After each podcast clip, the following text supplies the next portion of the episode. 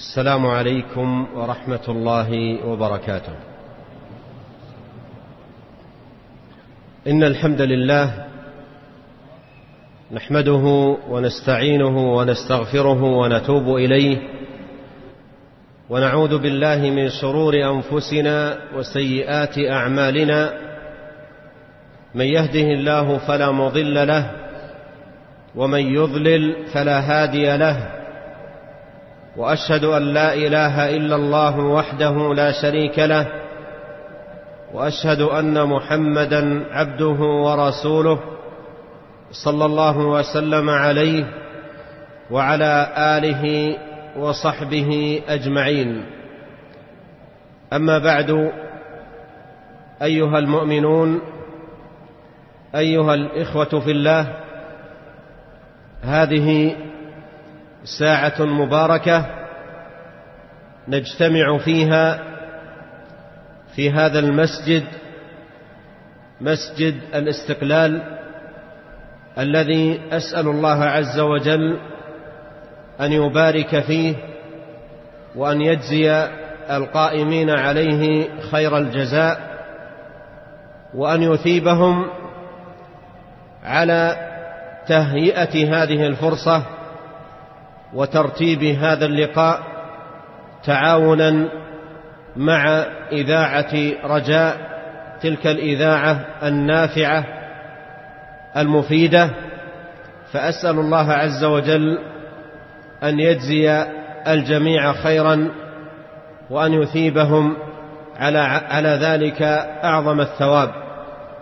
كما إنني أسأل الله عز وجل أن يثيبكم أيها الإخوة الحضور من المؤمنين والمؤمنات صغارا وكبارا على تجشمكم الحضور إلى هذا المسجد للمشاركة في هذا اللقاء وسماع هذه المحاضرة وأسأل الله عز وجل أن يوفقنا جميعا لما يحبه ويرضاه من سديد الأقوال والأعمال إنه تبارك وتعالى سميع مجيب بسم الله الرحمن الرحيم الحمد لله kita panjatkan kehadirat Allah Subhanahu wa taala memohon isti'anah dari Allah Subhanahu wa taala dan kita bertobat kepada Allah Subhanahu wa taala dan berlindung kepada Allah Subhanahu wa taala dari kejahatan jiwa kita dan dari kejelekan amalan-amalan kita. Sungguhnya barang siapa yang diberi petunjuk oleh Allah Subhanahu wa taala, maka tidak akan ada yang bisa menyesatkannya. Dan barang siapa yang disesatkan oleh Allah Subhanahu wa taala, maka tidak akan ada yang bisa memberi petunjuk kepadanya. Dan kita bersaksi pula bahwasanya tidak ada ilah sesembahan yang berhak untuk disembah melainkan Allah Subhanahu wa taala. Dan kita bersaksi bahwasanya Nabi Muhammad adalah utusan Allah dan Rasul Allah. Semoga salawat dan salam senantiasa tercurahkan kepada beliau, keluarga beliau serta sahabat beliau seluruhnya. Kaum mukminin sekalian, para ikhwah sekalian, para hadirin sekalian, ini merupakan waktu yang penuh barakah. Kita berkumpul pada saat ini di Masjid Istiqlal yang insya Allah Allah beri berkah terhadap masjid ini dan semoga Allah Subhanahu wa taala memberi pahala dan ganjaran kepada pengurus masjid ini yang telah memberikan kesempatan bagi kita untuk berkumpul dalam rangka menuntut ilmu bekerja sama dengan Radio Roja. Oleh karena itu semoga Allah Subhanahu wa taala memberkahi kru Radio Roja dan pengurus masjid ini dan semoga Allah Subhanahu wa taala memberi taufik kepada kita semua. Demikian juga Syekh mendoa berdoa kepada Allah Subhanahu wa taala agar Allah Subhanahu wa taala memberi ganjaran dan pahala yang besar kepada para hadirin sekalian, baik bapak-bapak maupun ibu-ibu maupun yang tua maupun yang anak-anak. Semoga Allah Subhanahu wa taala memberi taufik kepada kita semua.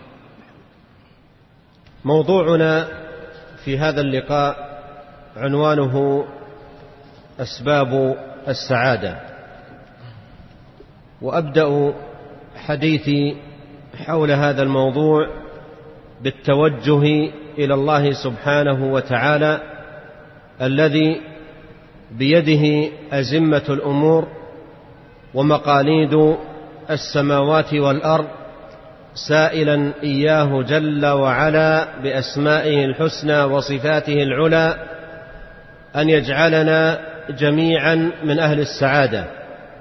وان يكتبنا في عداد عباده السعداء وان يعيذنا من الشقاء وسبيل اهله انه تبارك وتعالى سميع مجيب Para hadirin dirahmati oleh Allah Subhanahu wa taala. Pertemuan kita kali ini Syekh akan membahas tentang eh, sebab-sebab uh, yang bisa mendatangkan kebahagiaan. Dan sebelum Syekh menyampaikan muhadarah beliau pada kesempatan kali ini, beliau berdoa kepada Allah Subhanahu wa taala yang kita tahu semua bahwasanya segala perkara di tangan Allah Subhanahu wa taala. Segala keputusan adalah keputusan Allah Subhanahu wa taala maka kita semua bertawajuh mengharap kepada Allah Subhanahu wa taala agar Allah menjadikan kita termasuk orang-orang yang berbahagia dan Allah menjadikan kita termasuk orang-orang yang menempuh jalan-jalan kebahagiaan dan agar Allah Subhanahu wa taala menjauhkan kita dari jalan-jalan yang bisa mengantarkan kepada kecelakaan dan semoga kita bukan termasuk dari orang-orang yang celaka.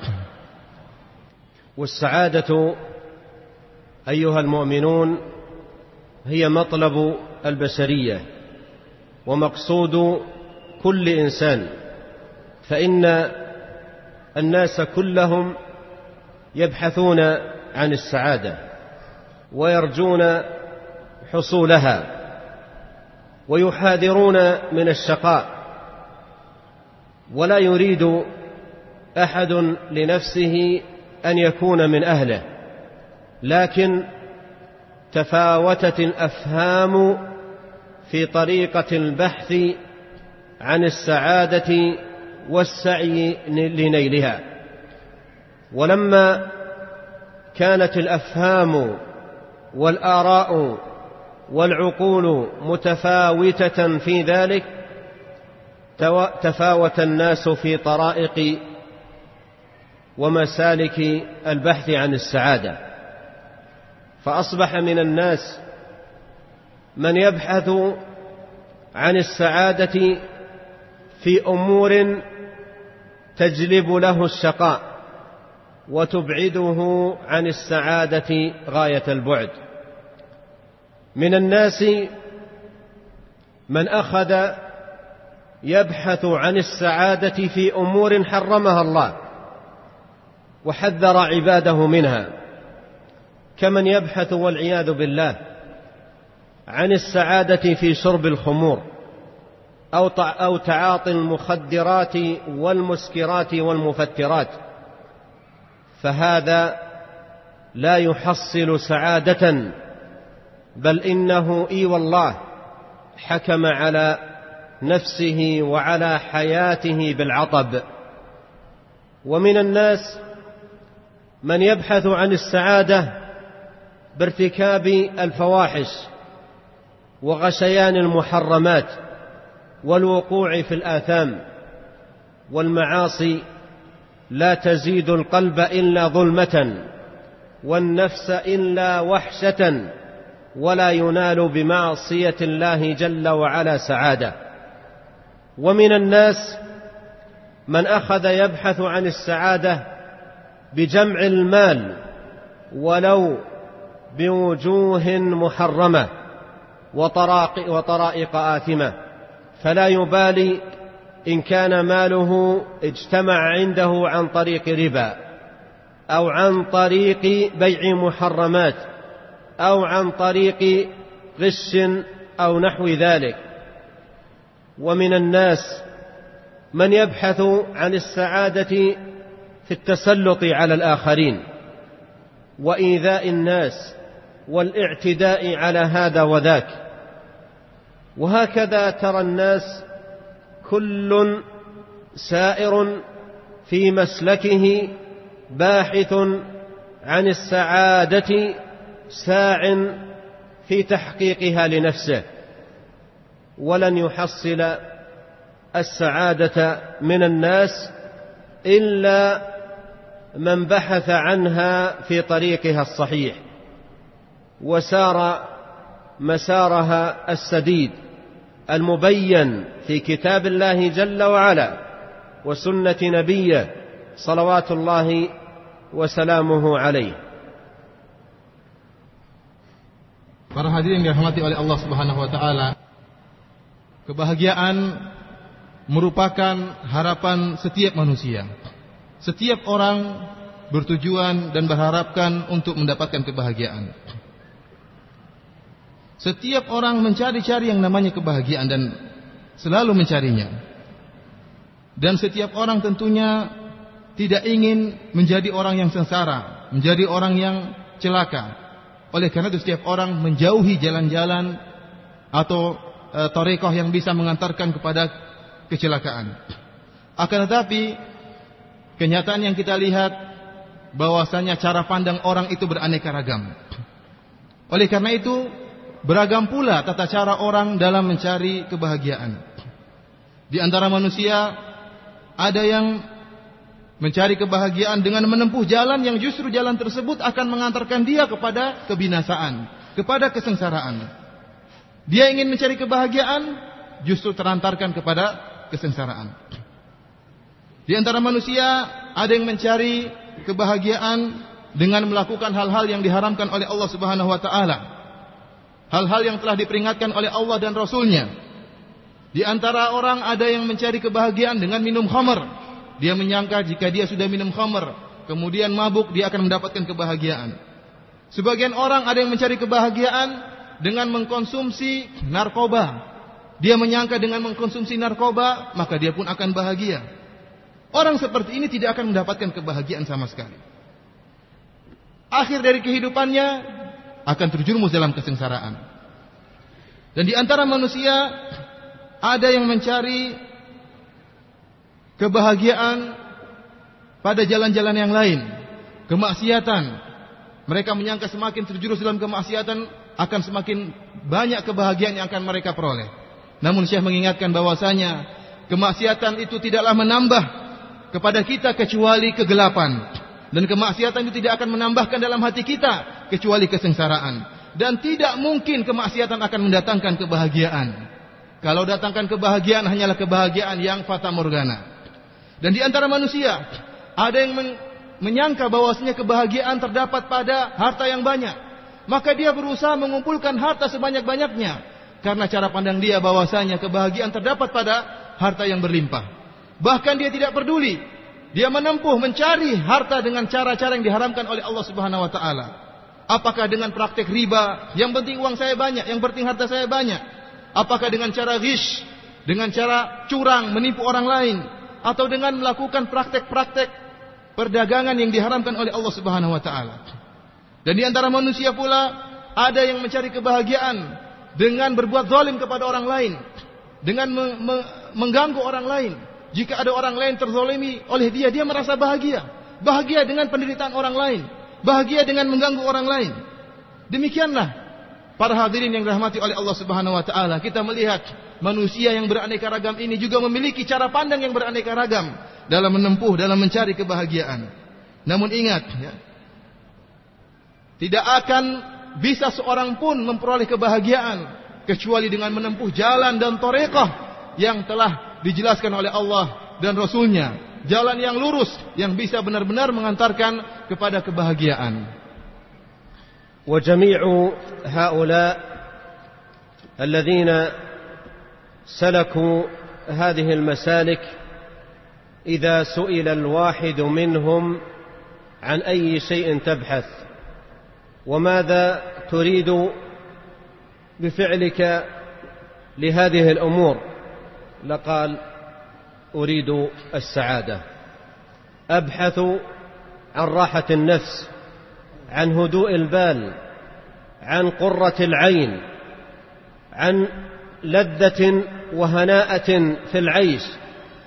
أريد زوال الهموم وانكشاف الغموم وذهاب الآلام والأحزان. وكل من هؤلاء له وجهة هو موليها وقد سلكوا في ذلك طرائق قددا لكن كل لن يظفر بسعادة من طريق لا يرضاه رب العالمين.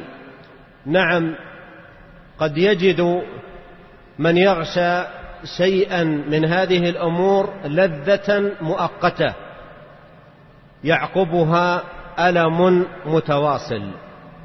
كما قال القائل تفنى اللذاذة ممن نال صفوتها من الحرام ويبقى الخزي والعار. تفنى اللذاذة ممن نال صفوتها من الحرام ويبقى الخزي والعار. وتبقى عواقب سوء من مغبتها لا خير في لذة من بعدها النار Tadi yang telah kita sebutkan berbagai macam model manusia yang menempuh jalan yang berbeda-beda dalam rangka mencari kebahagiaan.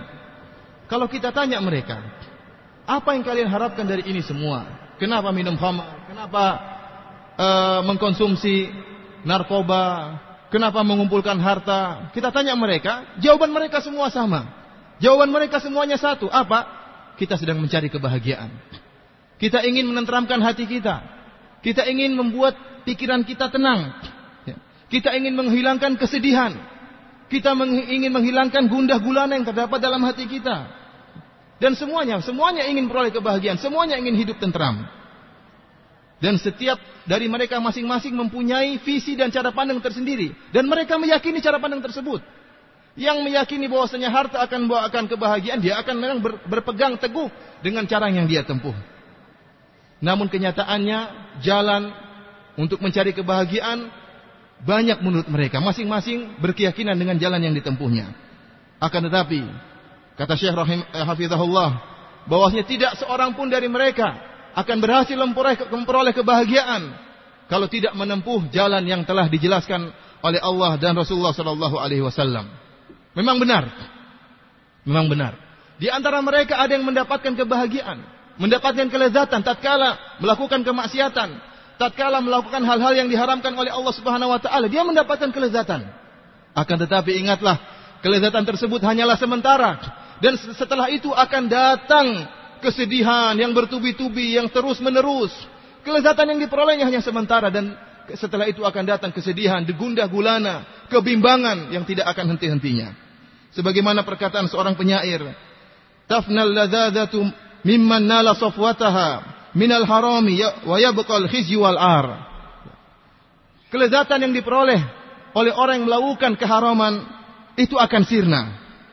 Kemudian yang tersisa hanyalah kehinaan dan kerendahan.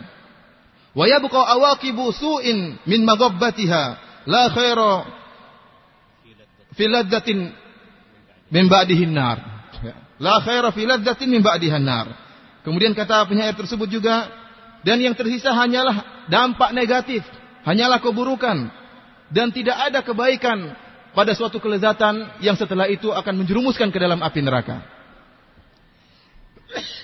Illa anna al-muslim bima آتاه الله من بصيرة ومن عليه به, به من علم وشرح صدره للخير ووفقه له يعلم علم يقين أن الهداية بيد الله وأنها لا تنال إلا بطاعة الله. هذه جملة مختصرة نحفظها ونعتني بها. السعادة بيد الله ولا تنال إلا بطاعة الله. لنحفظ هذه الجملة حفظا جيدا. ولننقنها أولادنا وأبناءنا ولننشرها في مدارسنا وبين إخواننا وأحبائنا. السعادة بيد الله ولا تنال إلا بطاعة الله. جملة مختصرة تغني عن كلام مطول وما سيأتي في هذه المحاضرة تفصيل وتدليل لهذه الجملة العظيمة hanya saja seorang muslim yang telah diberi ilmu oleh Allah Subhanahu wa taala, yang telah diberi basirah oleh Allah Subhanahu wa taala dan telah diberi taufik oleh Allah Subhanahu wa taala dan telah dilapangkan dadanya oleh Allah Subhanahu wa taala mengetahui dengan ilmu yakin dengan penuh keyakinan bahwasanya hidayah hanyalah di tangan Allah Subhanahu wa taala dan hanya ke kebahagiaan hanyalah di tangan Allah Subhanahu wa taala. Dan tidak mungkin kebahagiaan diperoleh kecuali dengan taat kepada Allah Subhanahu wa taala. Saya ulangi, seorang muslim yang telah diberi taufik oleh Allah Subhanahu wa taala yakin dengan sangat yakin bahwasanya kebahagiaan itu di tangan Allah Subhanahu wa taala dan tidak mungkin diperoleh kecuali dengan menjalankan ketaatan kepada Allah Subhanahu wa taala. Kalimat yang ringkas ini bahwasanya kebahagiaan di tangan Allah dan tidak bisa diperoleh kecuali dengan ketaatan kepada Allah, hendaknya kita hafalkan dengan dengan sebaik-baiknya. Kita hafalkan kalimat ini dan kita ajarkan anak-anak kita dan kita sebarkan di pengajian-pengajian dan kita sebarkan di sekolah-sekolah. Kita sebarkan kepada kerabat-kerabat kita, kepada orang-orang yang kita cintai bahwasanya kebahagiaan di tangan Allah Subhanahu wa taala dan tidak bisa diperoleh kecuali dengan ketaatan kepada Allah Subhanahu wa taala. Adapun yang akan beliau sampaikan dalam muhadarah ini ya, itu hanyalah penjelasan dari kalimat yang ini. Penjelasan tentang bahwasanya kebahagiaan hanyalah di tangan Allah dan tidak bisa diperoleh kecuali dengan ketaatan kepada Allah dan beliau akan menyebutkan dalil-dalil yang akan menunjukkan kalimat yang ringkas ini. Al-muslim ala yaqinin tam anna al-umura kullaha biyadillah azza wa jalla وأن ما شاء الله كان وما لم يشأ لم يكن وأن الأمور كلها بقضائه وقدره سبحانه وتعالى وأنه عز وجل له المشيئة النافذة والقدرة الشاملة لا معقب لحكمه ولا راد لقضائه سبحانه وتعالى فالأمور كلها بيده. ومن جميل ما يروى في هذا المعنى شعرا أبيات جميلات للإمام الشافعي رحمه الله تعالى يقول فيها رحمه الله ما شئت كان وإن لم أشأ وما شئت إن لم تشأ لم يكن.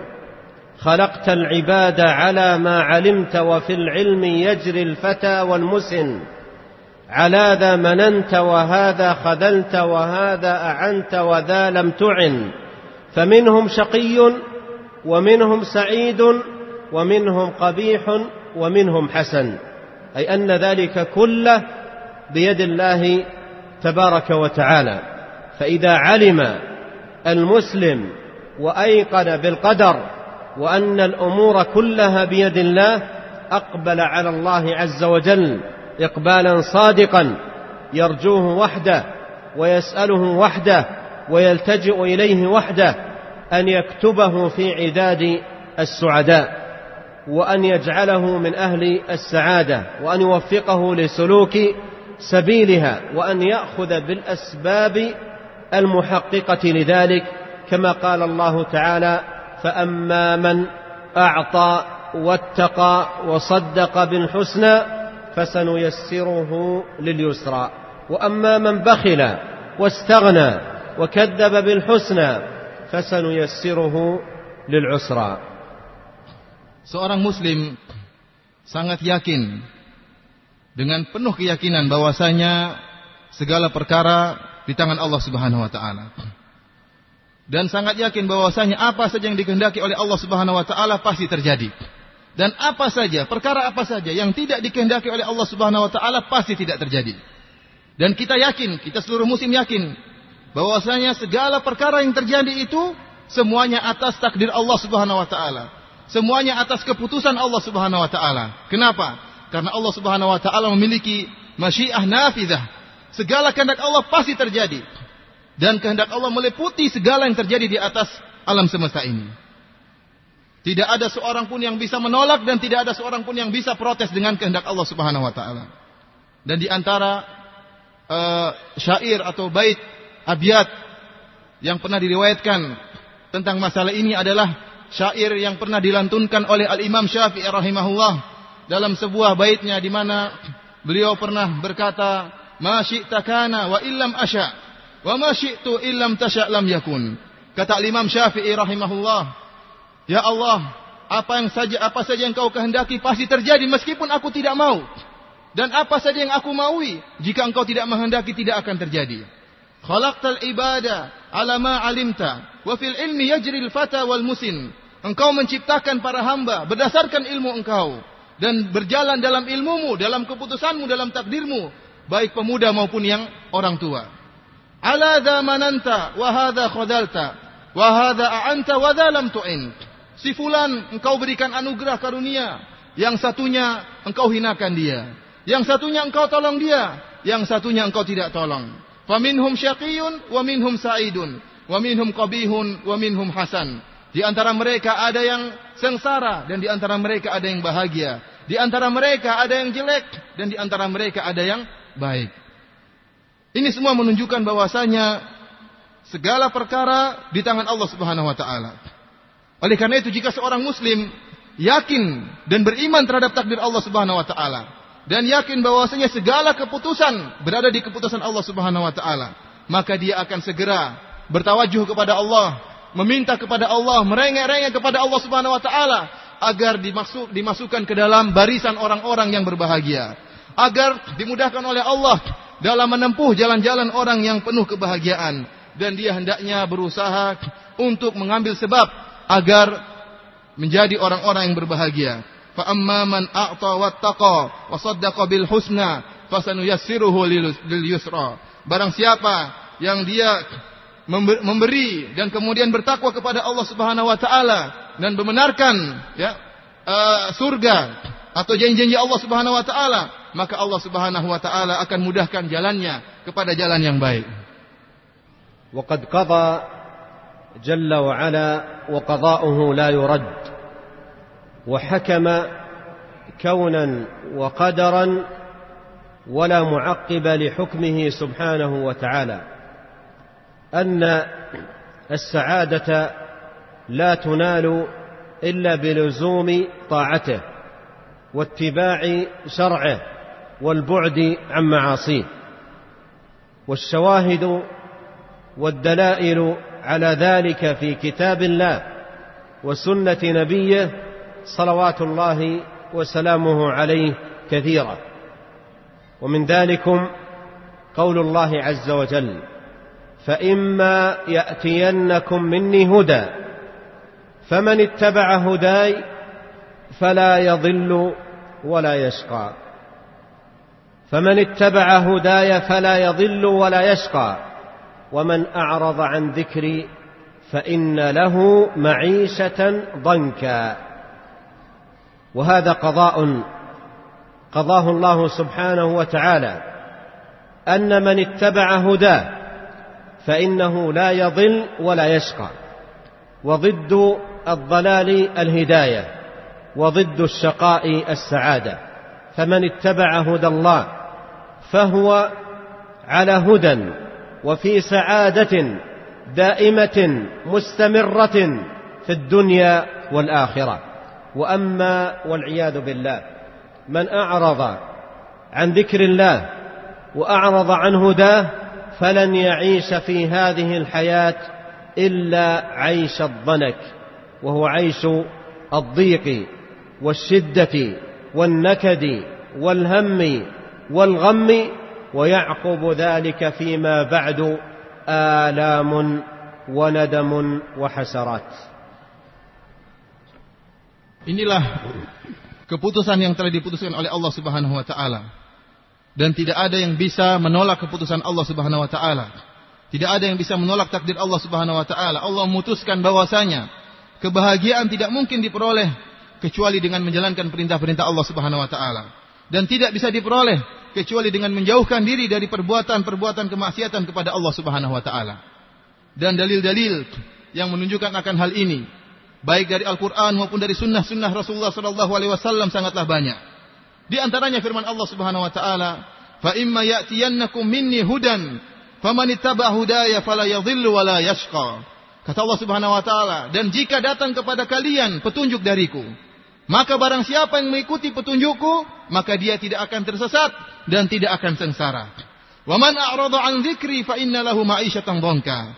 Dan barang siapa yang berpaling dari peringatanku, ya, dari mengingatku, fa inna lahu ma'isyatan dhanka. Maka dia akan mendapatkan kehidupan yang menyengsarakan, kehidupan yang sempit. Inilah keputusan Allah. Inilah hukum Allah Subhanahu wa taala. Barang siapa yang mengikuti jalannya, fala yadhillu wala yashqa. Tidak akan tersesat, akan mendapatkan hidayah, wala yashqa, tidak akan sengsara, akan mendapatkan kebahagiaan. Kemudian kebahagiaan yang akan dia peroleh, akan dia peroleh secara terus-menerus. Dia bahagia di dunia, kebahagiaan yang tidak putus-putus, apalagi di akhirat kelak, mendapatkan kebahagiaan yang abadi. Adapun orang yang berpaling dari jalan Allah Subhanahu wa taala, tidak melaksanakan perintah Allah Subhanahu wa taala, tenggelam dalam kemaksiatan kepada Allah Subhanahu wa taala, maka dia tidak akan hidup di atas muka bumi ini kecuali dengan hati yang sengsara, dengan kehidupan yang sempit, meskipun hartanya banyak, meskipun istananya banyak, tetapi dia akan hidup dengan penuh kesengsaraan, penuh dengan kesedihan yang tidak pernah putus-putus dan akhirat kelak lebih sengsara lagi. والقرآن معاشر المؤمنين هو كتاب السعادة فمن أراد لنفسه السعادة فليطلبها في كتاب الله وليطلبها في سنة رسوله المصطفى ونبيه المجتبى محمد بن عبد الله صلوات الله وسلامه عليه. وهذا هو معنى قول الله تعالى فمن اتبع هداي فهدى, فهدى الله كتاب وسنة. واذكرن ما يتلى في بيوتكن من آيات الله والحكمة إن الله كان لطيفا خبيرا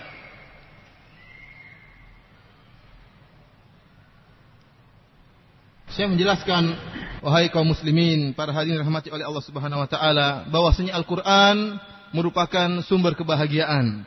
Maka barang siapa yang ingin peroleh kebahagiaan, maka hendaknya dia mencari kebahagiaan tersebut dalam Al-Quran dan dalam sunnah-sunnah Rasulullah Sallallahu Alaihi Wasallam yang Nabi Muhammad adalah Rasul yang telah terpilih oleh Allah Subhanahu Wa Taala. Tatkala Allah berfirman, "Faman ittaba hudaya, fala yadhillu wala yashqa." Dan barang siapa yang mengikuti petunjukku, tidak akan sesat dan tidak akan sengsara, itu akan bahagia. Ya. Maksudnya petunjukku adalah Al-Quran. Demikian juga Allah menyuruh kita untuk mengikuti sunnah Rasulullah Sallallahu Alaihi Wasallam dalam Al-Quran Allah berfirman, "Wadhkurna ma yatluna fi buyutikum fi buyutikunna minal ayati wal hikmah." Dan ingatlah apa yang telah kalian baca di rumah-rumah kalian dari ayat-ayat Allah dan hikmah dari sunnah Rasulullah sallallahu alaihi wasallam. والله جل وعلا أنزل هذا القرآن العظيم الكريم لتسعد البشرية فهو حقا كتاب السعادة ومن أراد السعادة لنفسه فسيجدها في كتاب السعادة كتاب الله تبارك وتعالى. ولما نزل القرآن على نبينا عليه الصلاة والسلام وشرح الله عز وجل من شرح سبحانه صدره من الناس لقبوله وتلقيه والإيمان به بدأ المشركون يذمون النبي. عليه الصلاة والسلام ويصفونه بالألقاب الشنيعة ويذمون القرآن الكريم ويزعمون أنه كتاب مفترى وأنه كتاب أنزل على محمد من أجل أن يشقى وأن يشقى من اتبعه. فحكموا هذا الحكم الجائر وادعوا هذه الدعوة الظالمة فأنزل الله تبارك وتعالى قوله طه ما أنزلنا عليك القرآن لتشقى. طه ما أنزلنا عليك القرآن لتشقى. أي إنما أنزلناه عليك لتسعد. فمن كان من أهل القرآن فهو من أهل السعادة. والمراد بأهل القرآن أهله الذين هم أهله حقا. كما قال الله الذين آتيناهم الكتاب يتلونه حق تلاوته أولئك يؤمنون به. ومعنى يتلونه حق تلاوته أي يقرؤونه ويحفظونه يجاهدون أنفسهم على حفظ ما استطاعوا حفظه من سوره وآياته ويفهمون القرآن ويسعون في فهم القرآن ويعملون بالقرآن الكريم Para hadirin yang dimuliakan oleh Allah Subhanahu wa taala. Sungguhnya Allah Subhanahu wa taala telah menurunkan Al-Qur'an ini kepada umat manusia agar mereka bisa memperoleh kebahagiaan. Oleh karena itu Al-Qur'an tanpa kita ragukan bahwasanya dia benar-benar merupakan kitab sebuah kitab yang menjelaskan akan kebahagiaan. Barang siapa yang ingin peroleh kebahagiaan maka dia akan dapatkan dalam Al-Qur'an. tatkala Allah Subhanahu wa taala menurunkan Al-Qur'an kepada nabi kita Nabi Muhammad sallallahu alaihi wasallam dan Allah melampangkan dada Nabi Muhammad sallallahu alaihi wasallam dan Allah melampangkan dada kaum para sahabat sehingga mereka pun berpegang dengan Al-Qur'an untuk menerima Al-Qur'an maka tatkala itu orang-orang musyrikin mulai gerah dan mulai tidak senang dengan apa yang mereka lihat tatkala para sahabat bisa berbahagia dengan Al-Qur'an maka para orang-orang musyrikin mulai mencela Al-Qur'an mulai memberi sifat kepada Nabi Muhammad SAW dengan sifat-sifat yang jelek. Demikian juga memberi sifat kepada Al-Quran dengan sifat-sifat yang jelek. Mereka mencetuskan propaganda bahwasanya Al-Quran itu tidaklah diturunkan Allah kepada Nabi Muhammad kecuali untuk menjadikan Nabi Muhammad dalam keadaan sengsara. Dan mereka mengatakan bahwasanya Al-Quran itu hanyalah kitabun muftara, hanya kitab dusta yang dibuat-buat oleh si Muhammad. Sehingga Al-Quran tidaklah diturun kepada Muhammad kecuali hanya mendatangkan kesengsaraan. Oleh karena itu Allah Subhanahu wa taala menurunkan ayat untuk membantah persangkaan mereka, membantah propaganda mereka. Allah Subhanahu wa taala berfirman, "Taha, ma anzalna 'alaikal Qur'ana litashqa." Kata Allah Subhanahu wa taala, "Tidaklah kami turunkan Al-Qur'an ini kepada engkau wahai Muhammad kecuali agar engkau tidak sengsara." Apa maksudnya? Kami tidak menurunkan Al-Quran ini kepada engkau Muhammad kecuali agar engkau berbahagia. Oleh karena itu para hadirin dirahmati oleh Allah Subhanahu wa taala, barang siapa yang ingin menjadi ahli saadah, ingin menjadi orang berbahagia, maka hendaknya dia menjadi ahlul Quran. Maka hendaknya dia menjadi orang yang berpegang teguh dengan Al-Quran. Dan siapa mereka orang yang berpegang teguh dengan Al-Quran? Allah Subhanahu wa taala berfirman, "Alladzina atainahumul kitaba yatlunahu haqqa tilawatih, ulaika yu'minuna bih." dan orang-orang yang kami berikan kepada mereka Alkitab dan mereka membaca Alkitab tersebut dengan sebenar-benar bacaan. Itulah orang-orang yang beriman kepada Al-Quran. Haqqa tilawatih. Baca dengan sebaik-baiknya. Apa maksudnya? Yaitu membaca Al-Quran, memahami Al-Quran, berusaha memahami makna-makna ayatnya dan berusaha untuk mengamalkannya. Orang yang seperti itu, yang baca Al-Quran dengan benar cuma tidak sekedar baca, tetapi dibaca, dipahami, dan berusaha untuk mengamalkannya, itulah orang-orang yang berbahagia. وليس معنى هذا أن من واجب تحصيل السعادة أن يحفظ القرآن كاملا إذ هذا ليس متيسر لكل أحد لكن المراد أن يكون المسلم مرتبطا بهذا الكتاب العظيم عاملا على استمرار الصلة بهذا القرآن. يقرأ كتاب الله ويحرص على فهم آياته ويجاهد نفسه على العمل بما جاء بكتاب الله سبحانه وتعالى فإنه كلما ازداد حظه ونصيبه من ذلك زاد حظا ونصيبا في تحصيل السعاده Saya menjelaskan bahwasanya bukan maksud dari penjelasan kita yaitu seorang ingin berbahagia harus hafal Quran ya. Tidak disyaratkan orang yang berbahagia harus hafal Quran karena tidak semua orang mudah untuk bisa menghafal Quran secara 30 juz ya. Akan tapi maksudnya seorang ingin bahagia, maka dia menjadi ahlul Quran. Apa itu ahlul Quran? Yaitu dia senantiasa terikat dengan Al-Quran. Menerapkan Al-Quran dalam kehidupannya sehari-hari. Senantiasa berkesinambungan. Terikat dengan Al-Quran dan penerapan Al-Quran dalam kehidupannya sehari-hari. Dan senantiasa berusaha untuk memahami ayat-ayatnya. Dan berusaha untuk mengamalkan seluruh ayat dalam Al-Quran. Karena saya menjelaskan semakin banyak dia mengambil bagian dalam memahami dan pengamalan Al-Quran, maka dia semakin banyak memperoleh bagian dalam kebahagiaan. وإذا قرأ المسلم كتاب الله سبحانه وتعالى عرف أن السعادة كما دل كتاب الله عز وجل إنما تنال بالإيمان بالله عز وجل.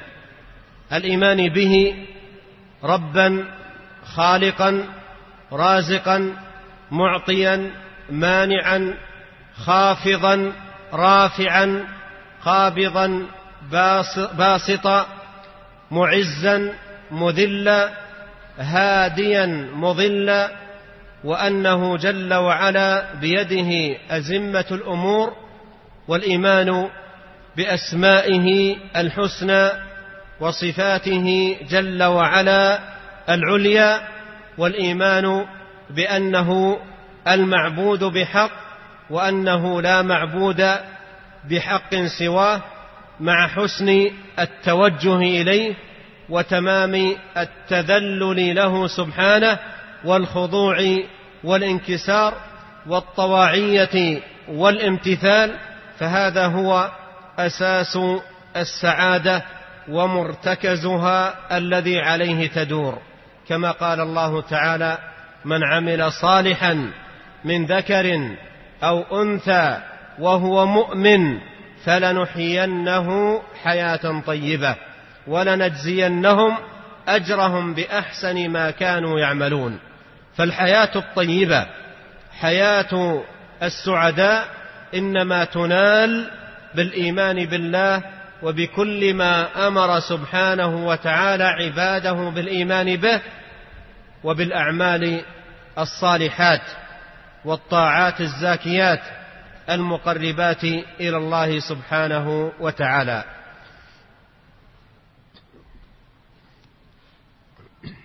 Jika seorang muslim membaca Al-Quran, maka dia akan semakin yakin dan mengetahui bahwasanya kebahagiaan itulah yang ditunjukkan oleh Al-Quran. Bahwasanya kebahagiaan tidak bisa diperoleh kecuali dengan iman kepada Allah Subhanahu wa taala dan beramal saleh. Beriman kepada Allah Subhanahu wa taala bahwasanya Allah Subhanahu wa taala adalah penguasa alam semesta ini, pencipta alam semesta ini, Maha Esa dalam mengatur alam semesta ini, tidak ada satupun yang membantu Allah dalam menciptakan dan mengatur alam semesta ini. Dialah yang maha memberi rizki kepada hamba-hambanya. Dan dialah ya, yang memberi dan dialah yang menolak. Dan dialah yang melapangkan rizki dan dialah yang menyempitkan rizki. Dan dialah yang memuliakan seorang dan dialah yang menghinakan seorang. Dan meyakini bahwasanya, mengimani bahwasanya segala perkara di tangan Allah Subhanahu wa taala. Yaitu kita beriman dengan nama-nama Allah Subhanahu wa taala yang indah dan kita beriman dengan sifat-sifat Allah yang tinggi. Dan kita beriman bahwasanya Allah Subhanahu wa taala hanyalah satu-satunya sembahan yang berhak kita serahkan ketundukan kita, yang berhak untuk diserahkan ibadah kita. Dan selain Allah Subhanahu wa taala tidak berhak untuk diserahkan segala bentuk ibadah kepadanya. Kemudian kita pun bertawajuh benar-benar minta kepada Allah Subhanahu wa taala disertai dengan ketundukan, perendahan, perengean di hadapan Allah Subhanahu wa taala dengan menjalankan perintah-perintah Allah Subhanahu wa taala dan menjalankan ketaatan-ketaatan yang mensucikan diri kita. Inilah landasan kebahagiaan. Inilah landasan kebahagiaan. Intisari dari kebahagiaan beriman kepada Allah dan menjalankan perintah-perintah Allah Subhanahu wa taala. Allah Subhanahu wa taala berfirman, "Man 'amila salihan min dzakarin aw untha wa huwa mu'minun, falanuhyiyannahu hayatan thayyibah." walanajziyannahum ajrahum bi ahsanil ladzi kanu ya'malun. Barang siapa yang mengamalkan amalan saleh, baik laki-laki maupun wanita dan dia dalam keadaan beriman kepada Allah Subhanahu wa taala, maka kami akan berikan kepada dia kehidupan yang penuh kebahagiaan dan kami akan balas mereka dengan sebaik-baik balasan atas amalan perbuatan mereka. Oleh karena itu, Kebahagiaan tidaklah mungkin diperoleh kecuali dengan beriman kepada Allah dengan iman yang benar dan beramal saleh. نعم أيها المؤمنون السعادة إنما تنال بالإيمان بالله وبالأعمال الصالحات المقربات إلى الله عز وجل فمن كان كذلك من أهل الإيمان والعمل الصالح فهو سعيد. لا فرق في ذلك بين غني وفقير ورئيس ومرؤوس وصحيح ومريض. الكل إنما ينال حظه من السعادة بحسب حظه من الإيمان والعمل. ليس ليست السعادة تنال بالمال. ولا تنال أيضا بالصحة ولا غير ذلك من الأمور وإنما تنال بالإيمان بالله وبالأعمال الصالحات المقربات إلى الله عز وجل. ولهذا قد يكون الإنسان من أكثر الناس مالا وأغزرهم تجاره لكنه لا يعيش حياة سعيدة. بل يعيش حياة ملؤها الهموم والآلام والمكدرات. ولهذا كثير من أصحاب الأموال الطائلة ربما لا ينام إلا بحبوب مهدئة من كثرة ما يكون فيه من هموم وغموم. وتجد الفقير لو وضع رأسه على حجر ليس على فراش وثير ينام فورا وهو مرتاح البال قرير العين بما آتاه الله سبحانه وتعالى بما آتاه الله جل وعلا من إيمان وعمل صالح.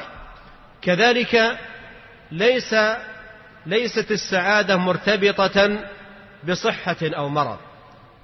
فقد يكون الإنسان صحيحا قوي الجسم حسن البنية لكنه لا يشعر بسعادة. وقد يكون الآخر مريضا لكنه يحس ويجد سعادة ولذة للإيمان الذي جعله الله سبحانه وتعالى في قلبه وصدره.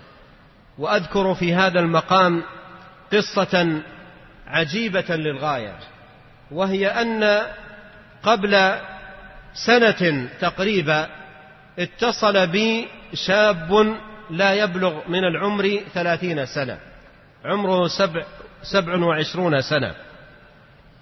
وقال عندي سؤال ولكن قبل أن أسأل أريد أن أعرفك بحالي.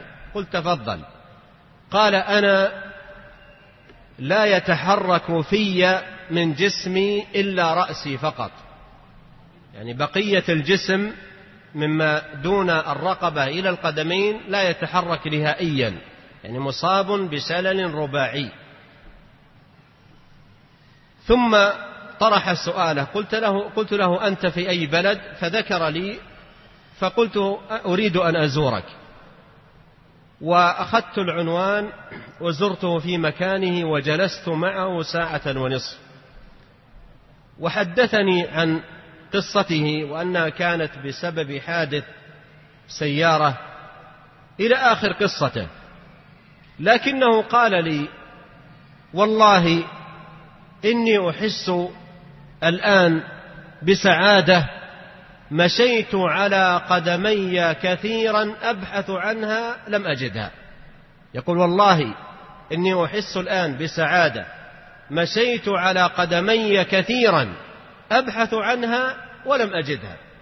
وهذه السعادة هي سعادة الإيمان إن شاء الله والرضا بقضاء الله سبحانه وتعالى. فإذا كان العبد مؤمنا من أهل العمل الصالح والإقبال على الله ينزل الله على قلبه سعادة. ولو كان في مرض لو كان في سقم لو كان. ولهذا قال عليه الصلاة والسلام عجبا لأمر المؤمن. إن أمره كله خير. إن أصابته سراء شكر فكان خيرا له. وإن أصابته ضراء صبر فكان خيرا له. وذلك لا يكون إلا للمؤمن. فالمؤمن في سرائه وضرائه وشدته ورخائه وجميع أحواله سعيد. وحياته دائما إلى خير. إن أصابته سراء أي نعمة وأمر مفرح ومسر أو سار فإنه يشكر الله ويعرف أن هذا فضل الله عز وجل فيفوز بثواب الشاكرين. وإن أصابته ضراء من فقر أو مصيبة أو مرض أو نحو ذلك فإنه يصبر فيفوز بثواب الصابرين. وكما أن شكر النعمة لذة فإن الصبر على المصيبة لذة. كل يتذوقها. المنعم عليه الشاكر يذوق لذة الشكر. والمبتلى الصابر يذوق لذة الصبر. وهي حلاوة يجدها كل منهما في قلبه. وقد اختلف أهل العلم. أيهما أفضل؟ الغني الشاكر أو الفقير الصابر؟ وسئل عن هذا السؤال شيخ الإسلام ابن تيمية رحمه الله قال أفضلهما أتقاهما لله. أفضلهما أتقاهما لله. قال وإن كانوا في التقوى سواء فهم في الفضل سواء. kaum muslimin yang dimuliakan oleh Allah Subhanahu wa taala sungguhnya kebahagiaan hanyalah diperoleh dengan iman kepada Allah Subhanahu wa taala dan menjalankan amalan-amalan soleh yang bisa mendekatkan kita kepada Allah Subhanahu wa taala barang siapa yang perkaranya demikian beriman kepada Allah Subhanahu wa taala dan menjalankan perintah-perintah Allah, melakukan amalan-amalan soleh, maka dialah orang yang berbahagia. Dan dalam permasalahan ini tidak ada perbedaan antara laki-laki maupun perempuan, antara orang miskin maupun orang kaya, ya. Antara orang sakit ataupun orang sehat. Barang siapa yang beramal soleh, dia yang bahagia. Dia yang bahagia. Bukan kebahagiaan diperoleh dengan harta. Bukan orang yang hartanya paling banyak, dia yang bahagia. Bukannya orang yang paling sehat badannya, dia yang bahagia. Tidak. Oleh karena itu, Ya, kita dapati ada orang yang hartanya sangat banyak luar biasa. Hartanya berlimpah ruah. Akan tapi tidak berbahagia. Hidupnya tidak berbahagia.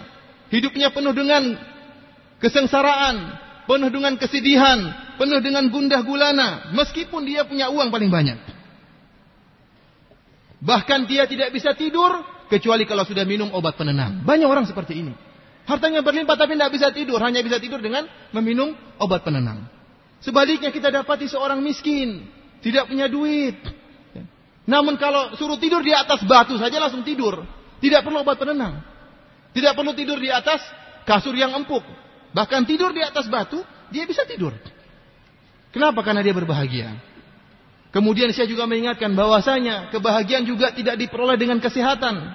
Bukan berarti orang yang paling bahagia, yaitu orang yang badannya paling sehat, tubuhnya paling fit, ya, paling atletis. Bukan, bukan itu tanda-tanda kebahagiaan. Bisa jadi seorang tubuhnya sehat, namun jiwanya sakit.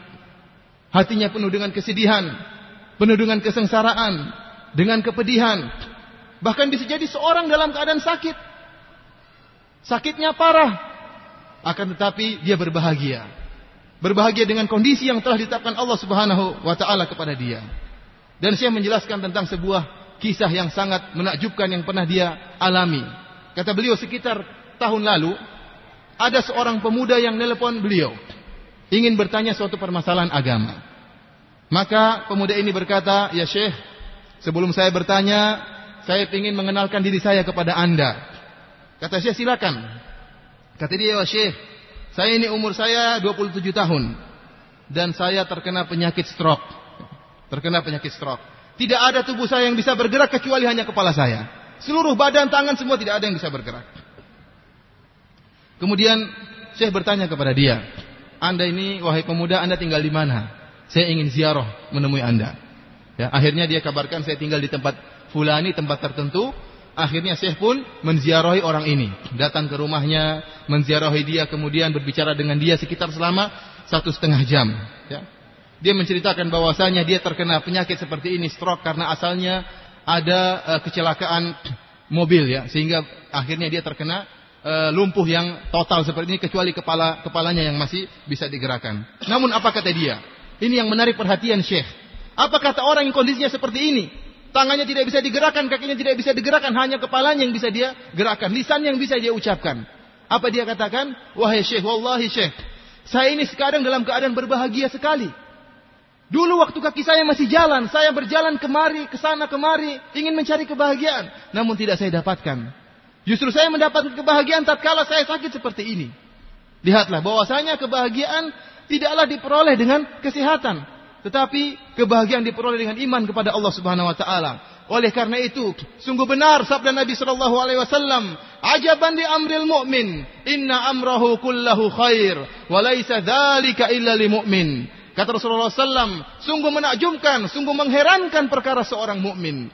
Seluruh perkaranya baik dan tidak bisa memperoleh kondisi seperti ini kecuali seorang yang beriman kepada Allah Subhanahu wa taala. In asabathu sarra syakara fakana khairan lahu. Kalau dia diberikan anugerah kenikmatan dari Allah Subhanahu wa taala, maka dia pun bersyukur kepada Allah dan itulah yang terbaik bagi dia. Wa in asabathu dharra sabara fakana khairal lahu. Dan jika dia ditimpa dengan kesulitan, ditimpa dengan musibah, ditimpa dengan kemudaratan, dia bersabar. Fakana khairal lahu dan itu yang terbaik bagi dia. Oleh karena itu seorang yang beriman kepada Allah Subhanahu wa taala, tatkala bergelimang di atas kenikmatan atau tatkala ditimpa dengan musibah ya, baik dalam keadaan sulit ataupun dalam keadaan lapang, maka dia berbahagia, senantiasa berbahagia. Kenapa? Karena kehidupannya selalu penuh dengan keimanan kepada Allah Subhanahu wa taala. Jika dia diberi kenikmatan oleh Allah Subhanahu wa taala, dia bersyukur. Ya. Dan dia bersyukur, dia mengetahui bahwasanya nikmat yang dia peroleh semata-mata karunia dari Allah Subhanahu wa taala. Maka dia pun mengambil atau mendapatkan pahala orang-orang yang bersyukur. Dan jika seorang mukmin diuji oleh Allah Subhanahu wa taala, diberi kesulitan, diberi kemudaratan, maka dia bersabar. Dia mengetahui bahwasanya apa yang menimpanya itu adalah keputusan Allah Subhanahu wa taala dan dia bersabar, maka dia pun akan peroleh pahala orang-orang yang sabar ya. Maka kedua-duanya, baik yang dapat kenikmatan atau yang sedang di, ataupun yang sedang diuji oleh Allah Subhanahu wa taala sama-sama merasakan manisnya iman dalam hati mereka ya. Oleh karena itu Syekh menjelaskan, para ulama berselisih pendapat. Mana yang lebih afdol? Mana yang lebih mulia? Al-ghaniyu syakir? Apakah orang yang kaya bersyukur lebih afdol atau miskin sabir? Atau seorang yang miskin namun namun bersabar? Karena dua-duanya merasakan kebahagiaan. Dan Syekhul Islam Ibnu Taimiyah rahimahullah pernah ditanya tentang masalah ini maka dia mengatakan afdaluhuma atqahuma lirabb. Yang paling afdal di antara mereka adalah yang paling bertakwa kepada Allah Subhanahu wa taala. Jika mereka istawaya fit taqwa, jika si miskin atau si kaya sama dalam ketakwaan, ya, maka sama-sama juga mulia di sisi Allah Subhanahu wa taala. Jadi kembalinya adalah kepada keimanan dan ketakwaan kepada Allah Subhanahu wa taala. وفي ضوء ما تقدم يمكن أن نقول إن هناك أمورا ثلاثة لا بد لها لا بد منها لتحصيل السعادة. ويسميها ابن القيم أو يصفها ابن القيم رحمه الله تعالى بأنها عنوان سعادة المرء. وهي الشكر والصبر والاستغفار. وذلك لأن المؤمن في هذه الحياة الدنيا في أيامه ولياليه يتقلب في أمور وأحوال إما بنعمة حادثة ومتجددة أو بمصيبة نازلة وبلية حالة أو بذنب اقترفه أو معصية ارتكبها وكل بني آدم خطاء. فالإنسان يتقلب في حياته في أيامه ولياليه بين هذه الأمور الثلاثة. والمؤمن إذا أصابته نعمة علم أنها من عند الله فحمد وشكر. وإذا أصابته مصيبة علم أنها من عند الله فرضي وصبر. وإذا وقع في ذنب أو جرته نفسه إلى معصية علم أنه قد فرط في جنب الله فتاب واستغفر. Dan berdasarkan penjelasan yang telah lalu, mungkin kita bisa simpulkan bahwasanya ada tiga perkara yang harus dilakukan untuk mendapatkan kebahagiaan. Yang tiga perkara ini disebutkan oleh Ibnul Qayyim, Ibnul Qayyim rahimahullah bahwasanya tiga perkara tersebut adalah unwanus sa'adah, yaitu tanda-tanda kebahagiaan. Alamatnya orang yang bahagia seperti apa? Apa tiga perkara tersebut? Yaitu yang pertama bersyukur kepada Allah Subhanahu wa taala, yang kedua bersabar, yang ketiga adalah istighfar kepada Allah Subhanahu wa taala. Kenapa tiga perkara ini? Karena setiap mukmin dalam menjalankan kehidupannya di atas muka bumi ini, dia hanya berpindah daripada satu dari tiga perkara ini. Dari tiga perkara yang tidak bisa dia hindarkan. Kalau dia tidak sedang berada di atas kenikmatan, dia sedang diuji oleh Allah Subhanahu wa taala dengan kesulitan, dengan kemudaratan atau mungkin dia terjerumus dalam dosa yang dia lakukan atau maksiat yang dia uh, apa namanya dia langgar.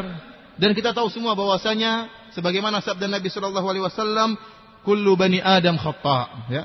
Setiap anak Adam pasti melakukan kesalahan oleh karena seorang mukmin tidak mungkin terlepas dari tiga kondisi ini. Kalau tidak mendapatkan kenikmatan, sedang diuji oleh Allah dengan kesulitan atau sedang melakukan dosa.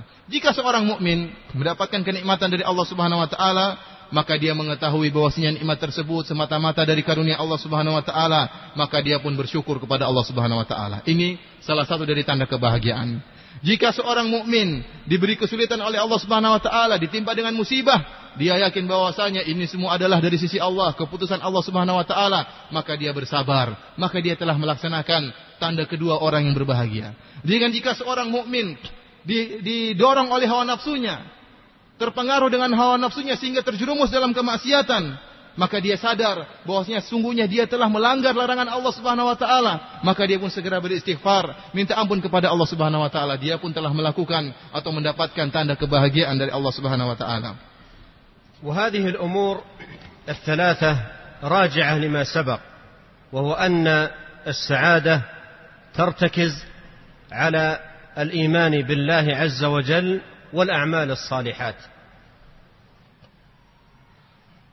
الإيمان بالله عز وجل مفزع وملجأ للمؤمن في كل أحواله. فإذا كان المؤمن يسير في هذه الحياة مستنيرا بنور الإيمان وسائرا في سنى وضياء الإيمان فإنه بإذن الله جل وعلا ينال السعادة ويحصلها وحظه منها بحسب حظه من الإيمان وهذا الإيمان هو في الحقيقة مفزع للمؤمن في كل أحواله فإذا استحضر الإيمان في كل موقف في كل حال في كل نازلة هداه إيمانه إلى أقوم السبل وهذه جملة تحتاج إلى شرح وبيان. وهي من الأهمية بمكان. فالمؤمن مثلا إذا وفق لطاعة وعبادة من صلاة أو صيام أو حج أو غير ذلك هداه إيمانه إلى أن هذه الطاعة التي وفق لها وهدي للقيام بها منة من الله عليه. ولولا فضل الله عليكم ورحمته ما زكى منكم من أحد أبدا ولكن الله يزكي من يشاء. فيهديه إيمانه إلى الاعتراف بالنعمة. وشكر المنعم سبحانه وتعالى.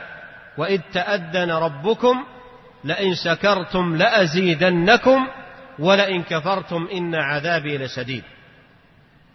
ثم إنه إذا وقع في ذنب ومعصية هداه إيمانه إلى أن هذا يعد تفريطا في جنب الله وتقصيرا في الواجب في حقه سبحانه وتعالى فيهديه إيمانه إلى الندم والتوبة والرجوع إلى الله والإكثار من الاستغفار.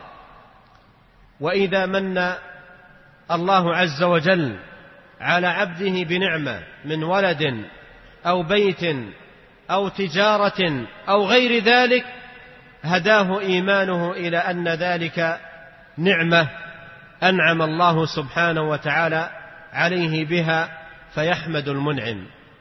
ويعترف بالفضل له سبحانه وتعالى ويحمده ويشكره. وما أجمل المسلم عندما يأوي إلى فراشه فيقتدي بالنبي عليه الصلاة والسلام عندما يضع جنبه على فراشه ويقول الحمد لله الذي أطعمنا وسقانا وكفانا وآوانا فكم ممن لا كافي له ولا مؤوي. هكذا كان نبينا عليه الصلاة والسلام يقول فالمؤمن يستشعر أن البيت والمال والطعام والشراب وغير ذلك كل ذلكم نعمة الله سبحانه وتعالى ومنته عليه عز وجل فيحمد ويشكر. وفي الحديث إن الله ليرضى عن عبده أن يأكل الأكلة فيحمده عليها وأن يشرب الشربه فيحمده عليها. وإذا ابتلي المؤمن بمصاب من مرض أو فقر أو نازلة من النوازل كموت قريب أو فقد مال أو اعتلال صحة أو نحو ذلك فزع إلى الإيمان. قال الله تعالى ولنبلونكم بشيء من الخوف والجوع ونقص من الأموال والأنفس والثمرات وبشر الصابرين. فيفزع إلى إيمانه فيهديه إلى الصبر على القضاء. والرضا بما أنزل الله سبحانه وتعالى وقدر عليه. ما أصاب من مصيبة إلا بإذن الله. ومن يؤمن بالله يهدي قلبه. قال بعض السلف هو المؤمن تصيبه المصيبة فيعلم أنها من عند الله فيرضى ويسلم. وهكذا نجد أن المؤمن يفزع إلى الإيمان في كل حال من الأحوال سواء في الطاعة أو المعصية في الصحة أو المرض في الغنى أو الفقر أو غير ذلك من الأمور النازلات فإنه يفزع ويلجأ إلى الله فيجد في هذا الفزع إلى الإيمان واللجوء إلى الله سبحانه وتعالى يجد في ذلك قرة العين وراحة البال وطمأنينة النفس وسكون الخاطر والسعادة في الدنيا والآخرة. والله عز وجل يقول الذين امنوا وتطمئن قلوبهم بذكر الله الا بذكر الله تطمئن القلوب Para hadirin yang dirahmati oleh Allah Subhanahu wa taala, tiga perkara tadi yang telah kita sebutkan tentang syukur, sabar dan istighfar, itu semuanya kembali kepada apa yang telah kita jelaskan di awal muhadarah, bahwasanya landasan daripada ke ke kebahagiaan pokok dari kebahagiaan adalah beriman kepada Allah dan mengamalkan amalan saleh. Oleh karena itu iman merupakan tempat kembali setiap muslim. Dalam segala kondisi seorang muslim hendaknya kembali kepada keimanannya. Jika seorang muslim dalam kehidupannya, dalam menjalankan kehidupannya di atas muka bumi ini, berjalan di bawah cahaya keimanan, maka dia akan mendapatkan kebahagiaan setiap saat. Apa pun kondisinya dia kembali kepada keimanan, menempuh jalan dengan cahaya keimanan, maka dia akan senantiasa mendapatkan kebahagiaan. Kenapa? Karena imannya akan menunjukkan dia kepada kebahagiaan. Semakin banyak dia ingin peroleh kebahagiaan, maka hendaknya dia dia berusaha untuk semakin matangkan imannya, ya. Karena kebahagiaan diperoleh kadar ke kebahagiaan didapatkan sesuai dengan kadar keimanan. Syekh menjelaskan ya bahwasanya iman merupakan tempat kembali. Tempat kembali bagi seorang muslim dalam segala kondisi. Dan beliau mengatakan perkataan saya ini bahwasanya iman merupakan tempat kembali bagi setiap muslim dalam segala kondisi butuh dengan penjelasan yang panjang ya. Contohnya dia berikan contoh jika seorang muslim diberi taufik oleh Allah Subhanahu wa taala, kemudian dia pun taat kepada Allah Subhanahu wa taala, ya, maka dia kembali kepada keimanannya. Dia ingat imannya. Iman yang beri petunjuk kepada dia bahwasanya ketaatan yang dia peroleh ini semata-mata karunia dari Allah Subhanahu wa taala. Dia menjadi orang taat bukan karena kepintarannya, bukan karena kecerdasannya, bukan karena kehebatan dia, tapi iman yang beritahu sama dia, kamu itu bisa taat kepada Allah karena Allah yang beri nikmat kepada engkau. Allah Subhanahu wa taala berfirman, "Walaula fadlullahi 'alaikum wa rahmatuhu, ma zaka minkum min ahadin abada, Allah yuzakki man yasha." Kalau bukan karena karunia Allah Subhanahu wa taala, kalau bukan karena kasih sayang Allah Subhanahu wa taala kepada kamu, ya, maka tidak akan ada seorang pun dari kalian yang akan suci jiwanya. Selama-lamanya tidak akan ada yang bisa suci jiwanya. Akan tapi Allah Subhanahu wa taala mensucikan siapa saja yang Dia kehendaki. Allah Subhanahu wa taala juga berfirman, Wa id rabbukum la in syakartum la azidannakum. Allah memberitahu kepada kita, la in syakartum jika kalian bersyukur kepada Allah Subhanahu wa taala, la azidannakum maka aku akan menambahkan kenikmatanku kepada kalian. Kemudian contoh yang berikutnya. Jika seorang muslim terjerumus dalam dosa, tenggelam dalam kemaksiatan, dia kemudian sadar kembali kepada imannya. Dia cek imannya, apa sih yang diberitahukan oleh imannya? Maka iman yang beritahu kepada dia, bahwasanya sungguhnya engkau telah berbuat salah, engkau telah melanggar perintah Allah Subhanahu wa taala. Maka imannya pun mengingatkan dia bahwasanya engkau masih memilih Tuhan yang Maha Pengampun lagi Maha Penyayang. Maka dia segera bertobat, segera kembali kepada Allah Subhanahu wa taala dan langsung dia beristighfar kepada Allah Subhanahu wa taala. Demikian juga jika seorang hamba diberi kenikmatan anugerah oleh Allah Subhanahu wa taala dengan berupa anak-anak yang baik atau diberi perdagangan yang berhasil atau diberi rumah yang lapang maka apa yang diberitahu oleh imannya imannya ingatkan dia bahwasanya semua kenikmatan yang kau rasakan ini berupa anak-anak berupa rumah yang indah berupa perdagangan yang berhasil itu semata-mata karunia dari Allah Subhanahu wa taala semata-mata karunia dari Allah Subhanahu wa taala. Maka dia pun tahu bahwasanya apa yang dia lakukan bukan karena kecerdasan dia, bukan karena kehebatan dia, tapi semata-mata karunia dari Allah Subhanahu wa taala, maka dia pun bersyukur kepada Allah Subhanahu wa taala.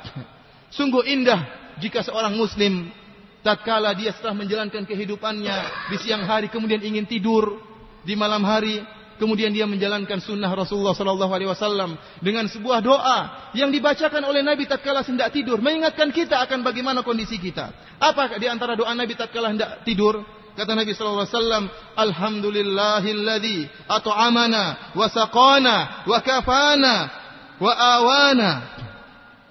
Maha suci Allah, sungguh Maha puji segala puji bagi Allah Subhanahu wa taala yang telah beri minum kepada saya, yang telah beri makan kepada saya, Allah kita mengakui Allah yang telah beri makan. Hari ini kita makan, Allah yang beri makan, Allah yang telah beri minum kepada kita. Kafana, Allah yang telah menjaga kita. Hari ini kita selamat, Allah yang jaga kita. Wa awana, hari ini kita bisa tidur di rumah. Allah yang membuat kita bisa menginap di rumah kita. Kemudian kata Nabi Shallallahu Alaihi Wasallam dalam doanya, "Fakam mimman la kafiyalahu wa la mu'wi." Betapa banyak orang yang tidak dijaga oleh Allah dan betapa banyak orang yang masih belum bisa tidur di rumah-rumah. Itu yang kita renungkan tatkala kita sebelum tidur. Oleh karena itu, seorang muslim harusnya sadar dan ingat bahwasanya rumah yang dia tinggali, makanan yang dia makan, minuman yang dia minum, semuanya karena dari Allah Subhanahu wa taala.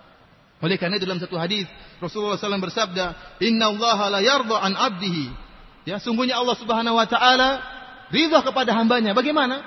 Fayakul aklah, dia makan makanan kemudian dia memuji Allah Subhanahu wa taala. Wa yashrabu dia minum kemudian dia memuji Allah Subhanahu wa taala. Kemudian jika jika seorang hamba ya, ditimpa dengan musibah, ditimpa dengan suatu kesedihan, entah ada kerabatnya yang meninggal, entah harta yang dia kumpulkan bertahun-tahun tiba-tiba sirna, hilang dicuri orang, maka dia cek apa yang dikatakan oleh imannya, kembali kepada imannya. Iman yang ingatkan dia bahwasanya semua dari si Allah Subhanahu wa taala maka bersabarlah. Bukankah Allah Subhanahu wa taala pernah berfirman, "Walanabluwannakum bisyai'in minal khaufi wal ju'i wa naqsin minal amwali wal anfusi was thamarat wa basyiris sabirin." Sungguh kami akan menguji kalian dengan sedikit rasa takut atau rasa lapar atau hilangnya harta atau hilangnya jiwa atau hilangnya sawah ladang. Fabasyiris sabirin ya dan bergembiralah. Berilah kabar gembira terhadap orang-orang yang sabar. Oleh karena itu, sungguhnya dalam segala hal kondisi seorang muslim dalam segala hal dia mafzaknya tempat kembalinya adalah kepada iman. Maka imannya akan memberi petunjuk kepada dia. Dia ridho atau dia sabar ya. Jika ditimpa dengan musibah, imannya akan mengantarkan dia segera bersabar dengan keputusan Allah Subhanahu wa taala. Allah Subhanahu wa taala berfirman, "Ma asaba min musibatin illa biidznillah. Wa man yu'min billahi yahdi qalbah." Kata Allah Subhanahu wa taala, tidak ada suatu musibah pun yang menimpa musibah, tidak satu musibah pun yang menimpa seorang hamba kecuali dengan izin Allah Subhanahu wa taala. Barang siapa yang beriman kepada Allah, maka Allah akan beri petunjuk dalam hatinya. Seorang salah berkata, ini adalah seorang laki-laki usiba bi musibatin. Faya'lamu annahu min indillah. Fayasbir wa yusallim. Apa orang apa ayat ini tentang siapa? Tentang seorang yang dia ditimpa musibah oleh Allah Subhanahu wa taala. Kemudian dia sadar bahwasanya musibah yang menimpanya itu dari Allah Subhanahu wa taala. Keputusan Allah Subhanahu wa taala, maka pun dia sabar dan dia pasrah. Oleh karena itu, hendaknya kita orang-orang yang beriman kembali kepada keimanan dalam segala kondisi dan dalam segala keadaan ya. Baik kita sedang dalam keadaan diberi kenikmatan oleh Allah Subhanahu wa taala atau sedang ditimpa musibah dari Allah Subhanahu wa taala, jikalau kita kembali kepada keimanan kita, maka kita akan dapatkan kebahagiaan. Kita akan dapatkan tumak ninah, ketenangan, ketentraman, ya, yang tidak didapatkan oleh orang-orang yang beriman kepada Allah Subhanahu wa taala. Allah Subhanahu wa taala berfirman, "Alladzina amanu wa tma'inna qulubuhum ala bi dzikrillah tatma'innul qulub." Itulah orang-orang yang beriman dan tenang hati mereka. Ingatlah bahwasanya dengan mengingat Allah hati itu akan tenang. وليحذر من وفقه الله عز وجل ومن عليه بهذه المعاني من ايمان وعمل صالح وصبر وشكر إلى غير ذلك من أمور الإيمان وتوابعه ومكملاته إذا وفق لذلك عليه أن يعلم أن ذلك كله فضل الله عليه ومنته عليه. والله عز وجل يقول ولكن الله حبب إليكم الإيمان وزينه في قلوبكم وكره إليكم الكفر والفسوق والعصيان أولئك هم الراشدون فضلا من الله ونعمة. والله عليم حكيم. ويقول سبحانه وتعالى يمنون عليك أن أسلموا. قل لا تمنوا علي إسلامكم بل الله يمن عليكم أن هداكم للإيمان إن كنتم صادقين. ويقول جل وعلا ولولا فضل الله عليكم ورحمته ما زكى منكم من أحد أبدا ولكن الله يزكي من يشاء. والآيات في هذا المعنى كثيرة. فعليه أن يستحضر أن ذلك كله توفيق من الله. إذا صبر على مصاب أو شكر على نعمة أو وفق لاستغفار وتوبة أو أقبل على صلاة وعبادة أو تجنب اثما أو معصية أو نحو ذلك فعليه أن يعلم أن ذلك كله توفيق من الله. فعليه في هذا المقام أن يحذر من رؤية النفس والعجب سواء العجب بالعبادة أو العجب بالعلم أو بالمال أو بالجاه أو بغير ذلك فإن العجب مجترف أعمال صاحبه. مدمر لها. آت عليها فلا ينتفع بها صاحبها. ولهذا ينبغي على الإنسان أن يحذر في هذا المقام ويستحضر دائما التوفيق والمنة والفضل والنعمة والتيسير من الله سبحانه وتعالى فيكون دائما حامدا شاكرا ولهذا يقول العلماء رب ذنب كان سببا في دخول صاحبه الجنة ورب طاعة كانت سببا لدخول صاحبها النار. قد يوفق الإنسان لطاعة كبيرة فيعجب بنفسه. فيرى أنه أهل وأنه حقيق بذلك. وأن غيره لا يستحق مثله أو غير ذلك من المعاني فيصاب بالعجب أو يصاب بالرياء أو يصاب بالسمعة أو غير ذلك فتهلك أعماله وتبطل طاعاته. وفي الحديث من أول من يسعر بهم النار يوم القيامة رجل قرأ القرآن ليقال قارئ وجاهد ليقال مجاهد وأنفق ليقال منفق فإذا تبدلت النية وتغيرت ودخل الإنسان في مثل هذه المعاني الرياء أو السمعة أو العجب أو غير ذلك أهلكت هذه الأمور دنياه وأخراه. ورب ذنب أدخل صاحبه الجنة. ورب ذنب أدخل صاحبه الجنة. بمعنى أن الإنسان يقع في الذنب فيحس إثر وقوعه بالذنب في الجرم الكبير الذي وقع فيه. فيقع في قلبه ألم وندم وأسف وتوبة وإقبال على الله وكثرة للاستغفار والرجوع إلى الله سبحانه وتعالى وفعل الصالحات والإكثار من الصدقات والإكثار من النوافل. يا رب يسأل الله جل وعلا أن يغفر أن يرحم فيكون سببا لدخول صاحبه الجنة. ولهذا ينبه العلامة ابن القيم رحمه الله تعالى في بعض كتبه إلى هذا الملمح فيقول علامة السعادة أن تكون حسنات العبد خلف ظهره وسيئاته نصب عينيه وعلامة الشقاوة أن يجعل حسناته نصب عينيه وسيئاته خلف ظهره. وهذه مصيبة عندما يكون الإنسان بهذه الصفة حسناته أمام عينيه. تجده دائما يظهر حسناته للناس. أنا الذي فعلت كذا وأنا الذي فعلت كذا وأنا الذي قدمت كذا. وسيئاته كلها الكثيرة يجعلها خلف ظهره ولا يفكر فيها ولا يبالي. وإذا جلس عند الناس أخذ يبرز لهم حسناته. وأنا فعلت كذا وأنا تصدقت بكذا وأنا قمت بكذا.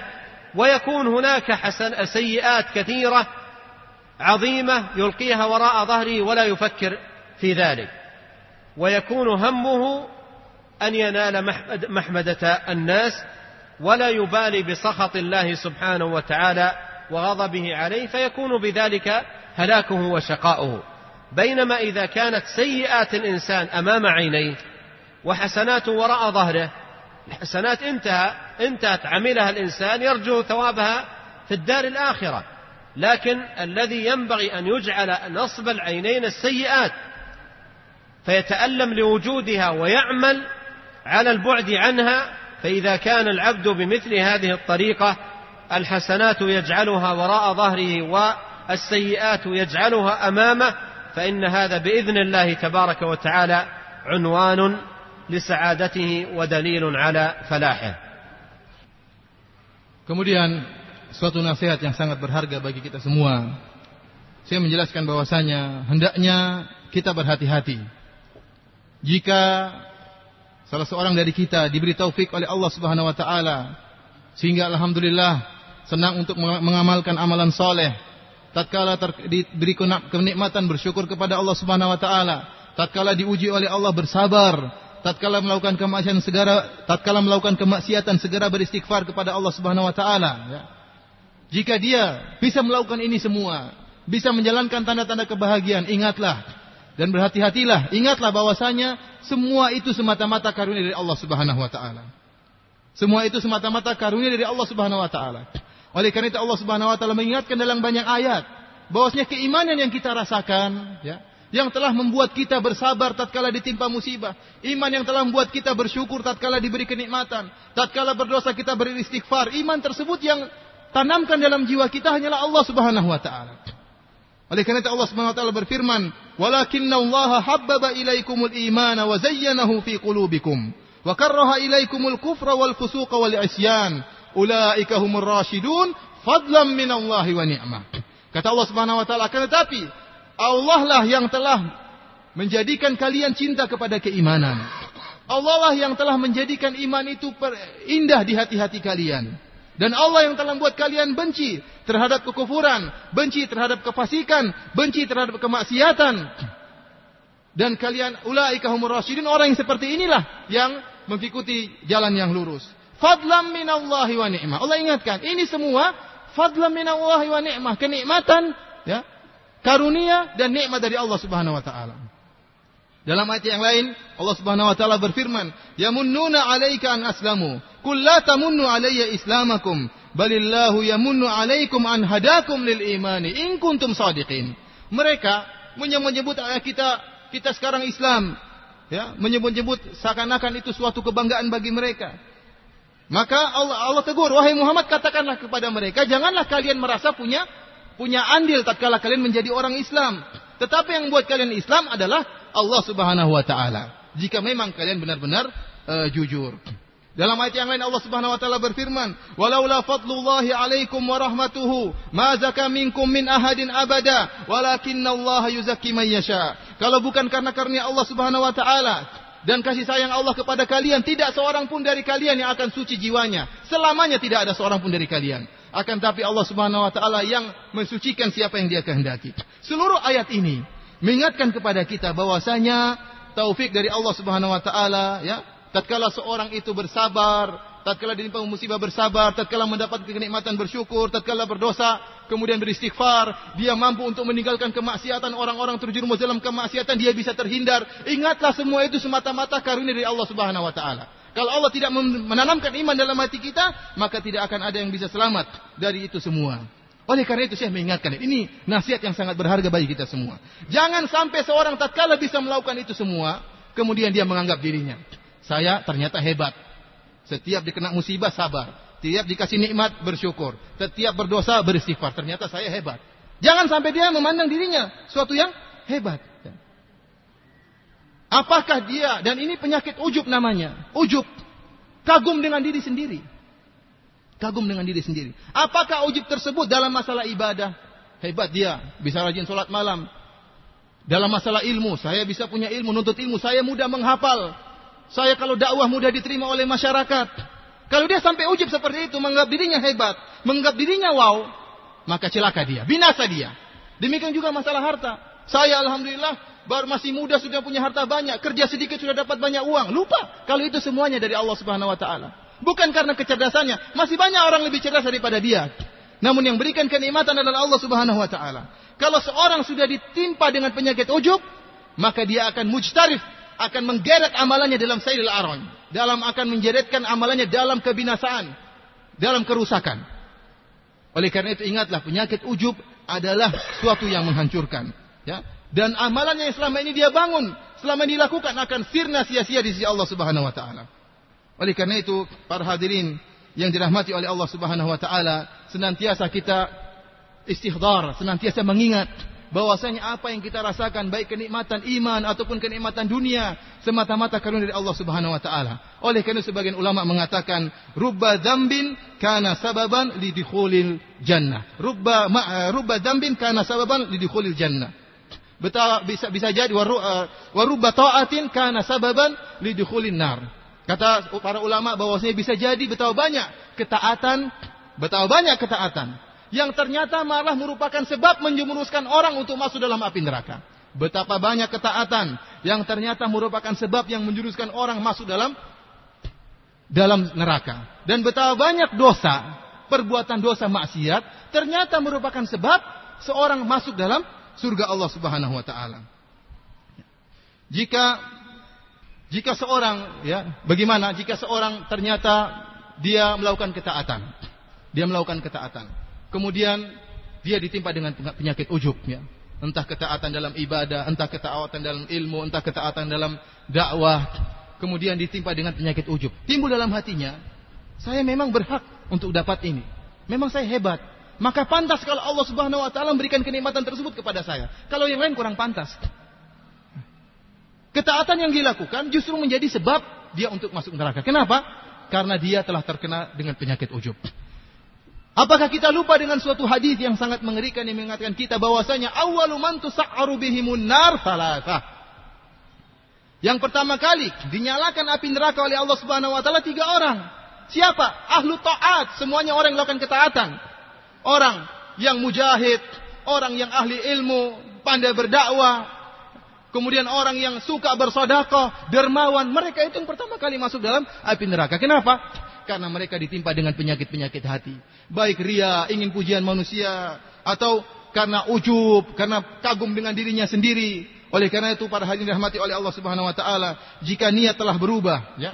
Jika niat telah berubah yang tadinya ikhlas, kemudian tatkala melakukan ketaatan, kagum dengan diri sendiri, berubah niatnya menjadi ujub, menjadi ria, maka ini akan mengantarkan seorang masuk ke dalam api neraka jahanam. Kemudian sebaliknya, bisa jadi dosa mengantarkan orang ke dalam surga Allah Subhanahu wa taala. Bagaimana bisa demikian? Jika seorang terjerumus dalam dosa, ya, kemudian dia sadar bahwasanya ini telah melakukan kesalahan, kemudian dia pun merengek di hadapan Allah Subhanahu wa taala. Dia sadar bahwasanya kalau dosa saya, dosa saya banyak, maka saya harus banyak beramal soleh agar Allah merahmati saya. Maka dia pun perbanyak ibadahnya, perbanyak amalnya. Tidak sama sekali tidak ditimpa dengan penyakit ujub. Dia rasa rendah. Kenapa saya banyak dosa? Saya rendah. Perasaan seperti ini, kemudian sikapnya yang banyak melakukan amal soleh, ya, menjadikan dia akhirnya dimasukkan oleh Allah Subhanahu Wa Taala dalam surga. Kenapa dia selalu takut kepada Allah Subhanahu wa taala? Oleh karena itu, sebuah kalimat indah yang disampaikan oleh Ibnu Qayyim rahimahullah dalam sebagian kitabnya. Apa kata Ibnu Qayyim rahimahullah? Perhatikan perkataan Ibnu Qayyim ini. Alamatus sa'adah an yakuna hasanatul ad khalfa dhahrihi wa sayiatuhu nusba ainaihi. Kata Imam Ibnu Qayyim rahimahullah, tanda kebahagiaan seorang. Seorang hamba bagaimana dia bahagia?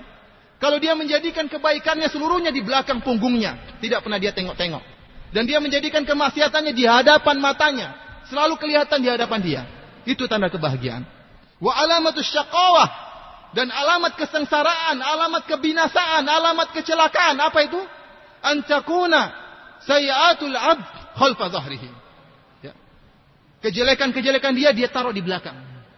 Wahasanatu nusba ainaihi. Adapun kebaikannya ditaruh di hadapan matanya. Selihat setiap hari lihat kebaikan yang pernah dia lakukan. Ini musibah ikhwani fillah azani Allah wa yakum. Ini musibah para hadirin rahmati oleh Allah Subhanahu wa taala, musibah yang benar-benar merupakan musibah yang malah petaka luar biasa. Oleh karena kita dapati jika seorang duduk bersama saudara-saudaranya, bersama teman-temannya, dia mulai yang dilihat cuma kebaikannya. Mulai dia ingat-ingat. Bukankah saya yang pernah begini? Bukankah saya yang pernah mengajarkan ini? Bukankah saya pernah bersodakoh ini? Bukankah saya yang pernah berdakwah di sana? Bukankah saya yang begini? Bukankah saya yang begini? Itu yang dia ingat. Itu yang dia ingat. Ke kejelekannya dia lupa semua. Kejelekannya dia, dia lupa semua. Maka dia pun mencari, dimasuki oleh setan, dan dia pun mencari pujian dari manusia. Ya. Dia ingat, dia ingat, dia saya yang bangun, saya yang ini, saya yang itu. Dosa-dosanya dia, dia lupakan. Orang seperti ini ditimpa dengan penyakit ujub. Semua amalan dia, semua sodakoh dia, bangunan yang telah dia bangun, dakwah yang telah dia bina hilang semuanya sia-sia di sisi Allah Subhanahu wa taala. Oleh karena itu, ikhwani fillah, azani Allah wa iyyakum, sebaliknya jika seorang ya menjadikan kejelekannya di hadapan matanya ya, kemudian dia lupa dengan kebaikan-kebaikannya, kebaikan yang kita lakukan sudah kita lupakan. Urusan Allah Subhanahu wa taala ya. Yang kita pikirkan dosa-dosa kita bagaimana? Kebaikan kita tidak tahu diterima oleh Allah kita Allah alam, tapi dosa-dosa kita di hadapan kita ini jelas ini.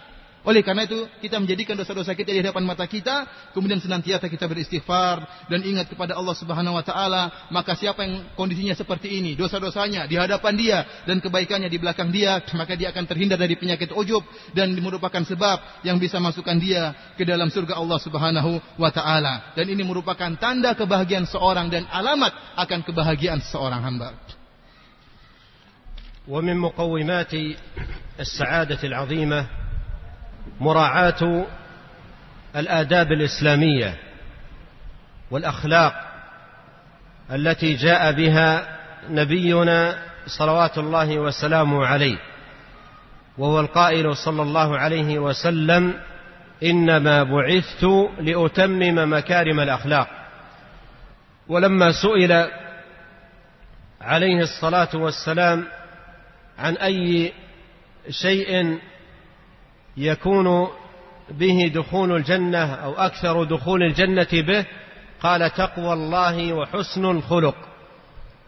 فالأخلاق عنوان لسعادة صاحبها.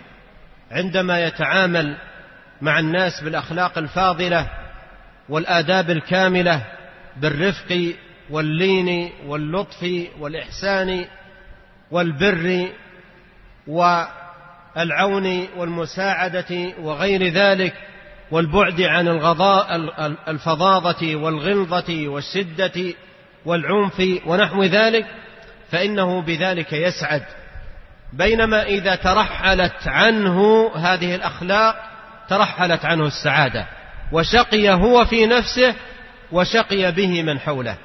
يشقى به أهله وولده وجيرانه ويتأذون من وجوده.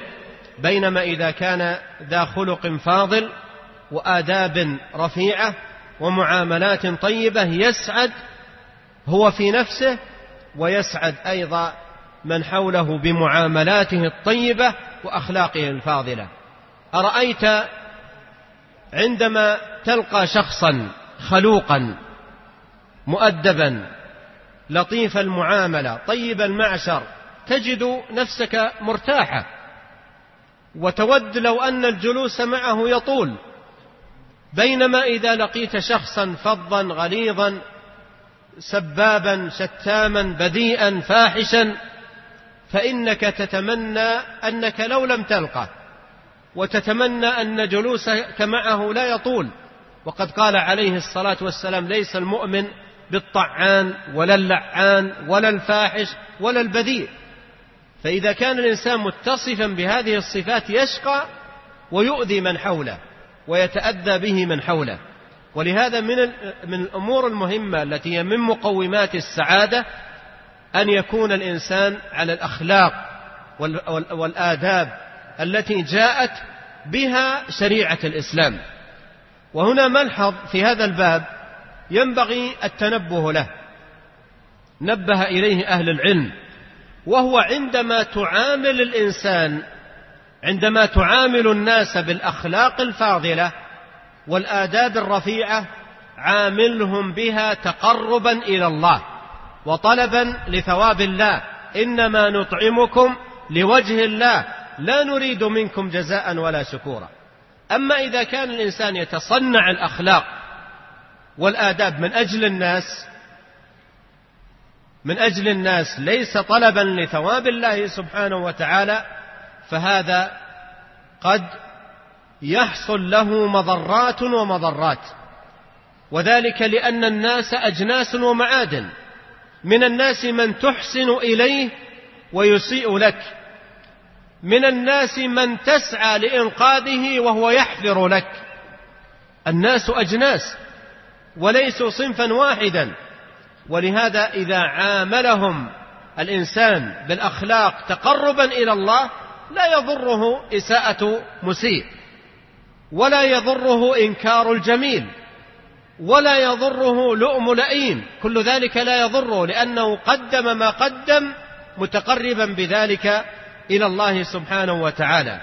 ولهذا يقول شيخ الإسلام ابن تيمية رحمه الله والسعادة في معاملة الخلق أن تعاملهم لله والسعادة في معاملة الخلق أن تعاملهم لله فترجو الله فيهم ولا ترجوهم في الله وتخافه فيهم ولا تخافهم في الله وتحسن إليه إليهم رجاء ثواب الله لا لمكافأتهم وتكف وتكف عن ظلمهم خوفا من الله لا منهم. وهذا كلام عظيم جدا. إذا وفق العبد لتطبيقه والعمل به يجد لذة هذه المعاملة ويجد ثمارها العظيمة في الدنيا والآخرة. تقدم لهم ما تقدم لا ترجو شيئا منهم وإنما ترجو من الله. وتكف عن أذاهم لا تخاف منهم وإنما تخاف من الله سبحانه وتعالى وتحسن إليهم لا ترجو شيئا منهم وإنما ترجو من الله سبحانه وتعالى. فإذا كان الإنسان بهذا المستوى في التعامل مع الناس ذاق طعم السعادة وفاز بثمارها وآثارها في دنياه وأخراه.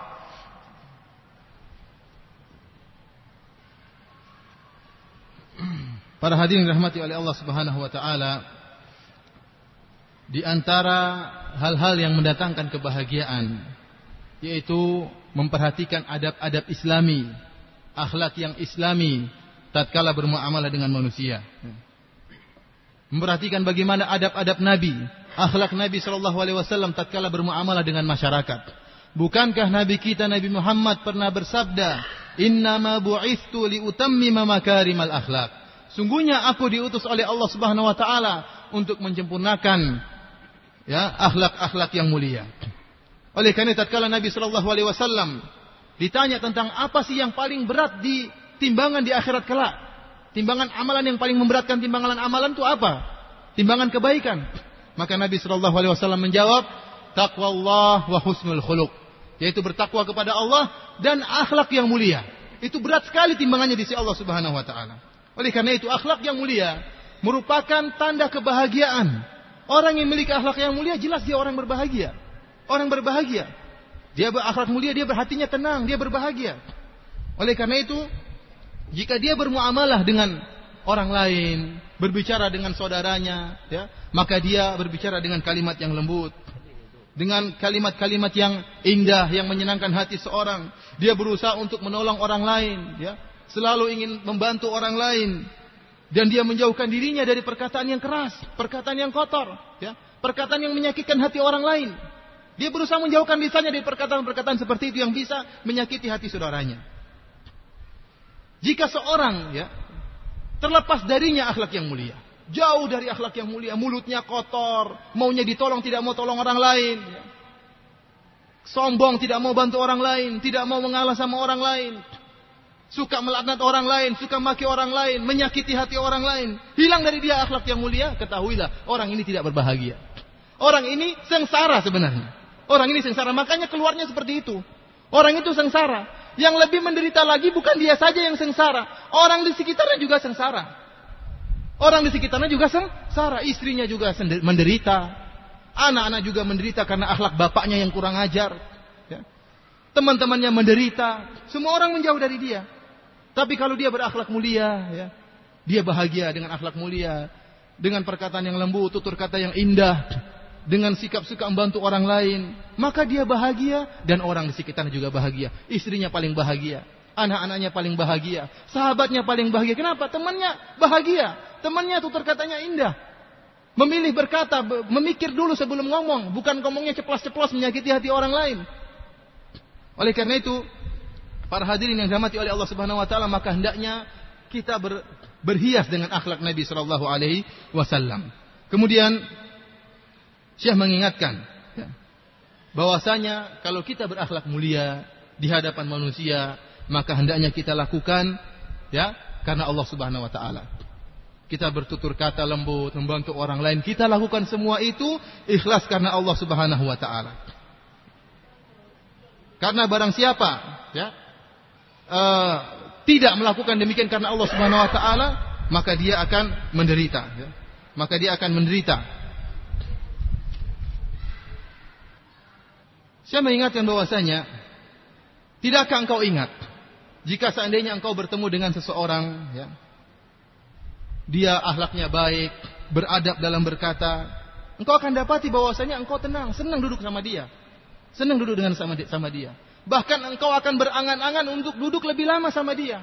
Kenapa? Karena engkau menikmati akhlaknya yang indah tersebut. Engkau merasa bahagia duduk sama dia. Sebaliknya, jika engkau duduk sama orang yang akhlaknya buruk, lisannya kotor, ngomongnya kasar, merendahkan orang lain, maka apa? Engkau akan seakan-akan nggak betah duduk sama dia. Wah, menyesal saya duduk sama dia satu jam. Cuma duduk satu detik saya pergi. Menyesal duduk sama dia. Kenapa? Karena yang kita rasakan api kecelakaan, api penderitaan yang dia rasakan dari hatinya ikut kena kita. Ya, itu yang terjadi. Oleh karena itu uh, Rasulullah SAW pernah bersabda, "Laisal mu'min bi ta'an walal la'an walal fahish walal badi." Bukanlah seorang beriman orang yang lisannya suka mencela, suka melaknat, berkata-kata kotor, berkata-kata buruk itu bukan sifat orang mukmin. Bukan sifat orang orang mukmin. Kalau ada orang seperti ini imannya dipertanyakan. Kemudian, ikhwani fillah, azani Allah wa iyyakum, pada hari ini rahmati oleh Allah Subhanahu wa taala, ya. peringatan yang disampaikan oleh beliau. Sebagaimana tadi saya telah saya isyaratkan, bahwasanya jika seorang bermuamalah dengan orang lain dengan akhlak yang mulia, hendaknya dia bermuamalah karena mencari pahala dari Allah Subhanahu wa taala. Hendaknya dia bermuamalah karena mencari pahala dari Allah, bukan mencari rasa terima kasih dari seorang pun. Jangan dia mengharapkan terima kasih meskipun sedikit pun. Allah Subhanahu wa taala berfirman menceritakan tentang orang-orang yang bertakwa orang-orang yang masuk surga. Inna nuti'imukum liwajhillah, la nuridu minkum jazaa'a wala syukura. Sungguhnya saya itu memberi makan kepada kalian karena si wajah Allah. Saya mencari pahala Allah, saya mencari pahala akhirat. Sama sekali saya tidak butuh dengan balasan dari kalian dan saya sama sekali tidak butuh dengan rasa terima kasih dari kalian. Ucapan terima kasih tidak saya butuh. Itu sifat-sifat orang yang beriman kepada Allah Subhanahu wa taala. Adapun sebaliknya, orang yang tasanna ya, membuat-buat menampakkan dirinya berakhlak mulia depan orang, buat-buat tapi ternyata ingin mencari pujian manusia, maka orang ini adalah orang yang menderita. Dan akan datang di belakang dia penderitaan dan penderitaan yang terus menerus. Kenapa dia berakhlak mulia? Bukan karena Allah Subhanahu wa taala. Orang yang ikhlas. Ini perhatikan Bapak-bapak. Nasihat yang sangat mulia dari beliau. Orang yang ikhlas. Dia akan bahagia. Kenapa? Dia tidak peduli. Tidak peduli dengan komentar manusia. Yang penting dia beramal karena Allah Subhanahu Wa Taala. Mau dibilang kamu kok solatnya jelek, kamu kok sodakohnya sedikit, kamu kok dakwahnya tidak berhasil, dia cuek. Amalannya karena Allah Subhanahu dia tidak tidak tidak terpengaruh dengan komentar manusia. Kalau ada yang muji juga dia cuek, kalau ada yang celah juga dia dia cuek. Adapun orang yang dia beramal karena manusia, ya, dia akan sedih, penderitaan. Kenapa? Karena orang kalau tidak puji dia, ya, dia akan menderita. Kapan saya dipuji? Akan menderita. Ternyata orang itu tidak muji, malah mencela, semakin menderita lagi. Kalaupun dipuji dia masih nunggu-nunggu, kapan saya dipuji lagi? Menderita dan penderitaan terus. Kenapa? Karena dia memperhatikan komentar manusia. Oleh karena tatkala kita berakhlak mulia, ingatlah kita amalkan karena Allah Subhanahu wa taala. Ada sebuah perkataan Syekhul Islam yang sangat indah ya yang merupakan nasihat yang sangat berharga di mana Syekhul Islam Ibn Taimiyah rahimahullah pernah berkata wasa'adatu fi muamalatil khalqi an tu'amilahum lillah fatarjullaha fihim wala tarjuhum fillah. Dan kebahagiaan tatkala engkau bermuamalah dengan manusia dengan masyarakat hendaknya engkau bermuamalah dengan mereka karena Allah Subhanahu wa taala. Dan engkau mengharapkan pahala dari Allah Subhanahu wa taala meskipun harus merendah di hadapan mereka meskipun harus uh, ber, ber, ber, apa, membantu mereka. Jika kita mengharapkan berbuat baik kepada mereka, mengharapkan Allah Subhanahu wa taala, mengharapkan pahala dari Allah Subhanahu wa taala. Bukan sebaliknya, engkau seakan-akan bantu mereka fillah, ternyata terjuhum. Engkau menginginkan sesuatu, ada udang di balik batu. Berbuat baik, senyum-senyum ya, menceritakan ah, dakwahnya ternyata ada udang di balik batu. Ini tidak disukai oleh Syekhul Islam Ibnu Taimiyah dan tidak disukai oleh Allah Subhanahu wa taala. Wa takhafuhu fihim wa la takhafuhum fillah engkau tatkala bermuamalah dengan manusia yang lain, ya, hendaknya engkau takut kepada Allah. Tatkala bermuamalah takut, jangan sampai berbuat keburukan sama orang lain. Kenapa? Karena Allah takut kepada Allah. Bukan sebaliknya, ya. Justru takut kepada manusia dan melanggar perintah Allah Subhanahu wa taala. Wa tuhsin ilaihim raja'a thawabillah la limukafaatihim dan hendaknya engkau berbuat baik kepada mereka karena mengharapkan pahala Allah Subhanahu wa taala bukan mengharapkan balasan dari mereka wa takufu an zulmihim khaufan minallahi la minhum dan hendaknya engkau uh, mencegah dirimu dari berbuat kezaliman kepada manusia ya. karena takut kepada Allah, karena takut adab Allah, karena takut siksa Allah, bukan karena takut dari cercaan mereka, bukan karena takut dari omongan mereka, tetapi karena Allah Subhanahu wa taala. Ini merupakan kalimat yang sangat indah luar biasa ya. Oleh karena itu ya, jika seorang hamba beramal melakukan akhlak yang baik karena Allah Subhanahu wa taala, ya, maka dia akan bahagia baik di dunia maupun di akhirat, ya. Engkau melakukan perbuatan amalan apa saja dan tidaklah engkau berharap kecuali wajah Allah Subhanahu wa taala dan engkau tidak mengganggu orang lain dengan model gangguan apa saja, tidaklah engkau melakukannya karena takut kepada adab Allah Subhanahu wa taala. وأختم أيها الإخوة هذا الحديث بأمرين الأول ذكر أمور عظيمة ساقها ابن القيم رحمه الله تعالى في كتابه زاد المعاد. قال أو, أو ذكر أنها سبب لشرح الصدر ومعلوم أن السعادة هي انشراح الصدر وطمأنينة النفس لأن مدار السعادة على القلب وارتياحه. فإذا ارتاح القلب وانشرح الصدر سعد العبد. وقد ذكر ابن القيم رحمه الله تعالى عدة أمور هي أسباب شرح الصدر في كتابه زاد المعاد وشرحها آه، شرحا ليس بالمطول أذكرها سردا. ويمكن أن تطالع في كتاب ابن القيم رحمه الله زاد المعاد ولعل بعض طلبة العلم الأفاضل يعملون على ترجمة هذه الأمور من كتابه زاد المعاد ونشرها بين الناس. الأول التوحيد وعلى حسب كماله وقوته وزيادته يكون انشراح صدر صاحبه ثانيا العلم فإنه يشرح الصدر ويوسعه. ثالثا الإنابة إلى الله عز وجل. رابعا دوام ذكره على كل حال. خامسا الإحسان إلى الخلق ونفعهم بما يمكنه من المال والجاه والبدن. سادسا الشجاعة فإن الشجاع منسرح الصدر متسع القلب.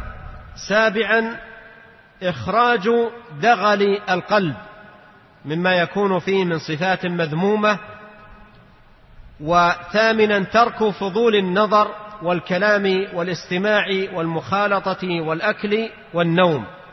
فهذه أمور عظيمة ذكرها ابن القيم رحمه الله تعالى في كتابه زاد المعاد.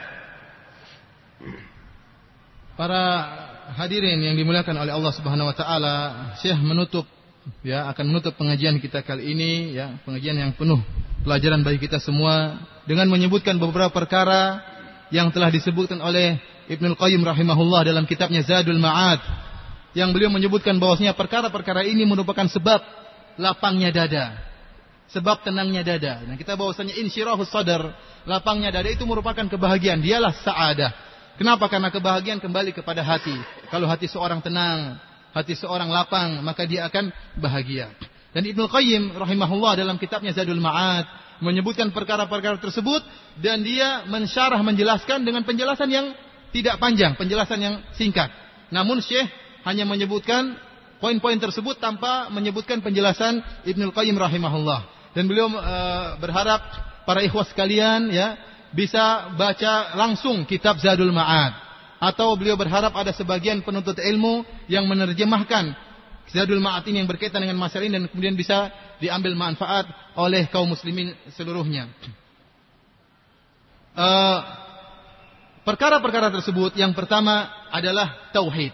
Ini bisa mendatangkan kebahagiaan. Dan semakin kuat tauhid seorang, dan semakin sempurna tauhid seorang, maka akan semakin lapang dadanya dan semakin berbahagia. Nanti penjelasannya bisa kembali kepada Zadul Ma'ad. Yang kedua, yang bisa mendatangkan kebahagiaan adalah ilmu. Karena dengan ilmu, hati seorang akan menjadi lapang. Ya. Bahkan akan bisa melapangkan ya hatinya. Lebih dari perkara-perkara dunia yang bisa melapangkan hatinya. Dengan ilmu. Yang ketiga, kembali kepada Allah Subhanahu Wa Taala. Ya kembali kepada Allah Subhanahu wa taala dan cinta kepada Allah Subhanahu wa taala, berlari menuju Allah Subhanahu wa taala dan bernikmat-nikmat dengan ibadah kepada Allah Subhanahu wa taala. Yang keempat, senantiasa mengingat Allah Subhanahu wa taala dalam segala hal, di tempat mana saja berada, dalam kondisi apa saja, ingatlah selalu Allah Subhanahu wa taala, maka akan mendatangkan kebahagiaan. Yang kelima, al-ihsan ilal khalq, yaitu memberi manfaat kepada orang lain, berbuat baik kepada orang lain, membantu mereka, memberi manfaat kepada mereka, apakah dengan harta, apakah membantu mereka dengan kedudukan kita, apakah membantu mereka dengan jasad kita, atau dengan bantuan-bantuan dengan model yang lain. Yang keenam adalah keberanian, karena orang yang berani hatinya adalah lapang. Kemudian yang ketujuh, menghilangkan penyakit-penyakit hati dari sifat-sifat yang tercela. Ini merupakan sebab dari kebahagiaan. Segala penyakit hati berusaha kita keluarkan akan mendatangkan kebahagiaan. Yang kedelapan, tarku fudulin nazar wal kalam wal istimta wal istima' wal mukhalatah wal akal wal naum. Meninggalkan sikap berlebih-lebihan dalam memandang. Jangan suka memandang perkara-perkara yang tidak ada manfaatnya. Jangan suka bicara-bicara yang tidak ada manfaat. Kelebihan ngomong, kelebihan mandang, kelebihan tidur ya, sering gaul, sering ngobrol, sering makan, sering minum lebih daripada yang seharusnya, ini akan mendatangkan kesengsaraan. Untuk mendatangkan kebahagiaan jauhi sifat-sifat ini ya. Demikianlah uh, uh, yang disampaikan oleh uh, Ibnu Qayyim dan insya Allah bisa kita baca langsung dalam kitabnya Zadul Ma'ad.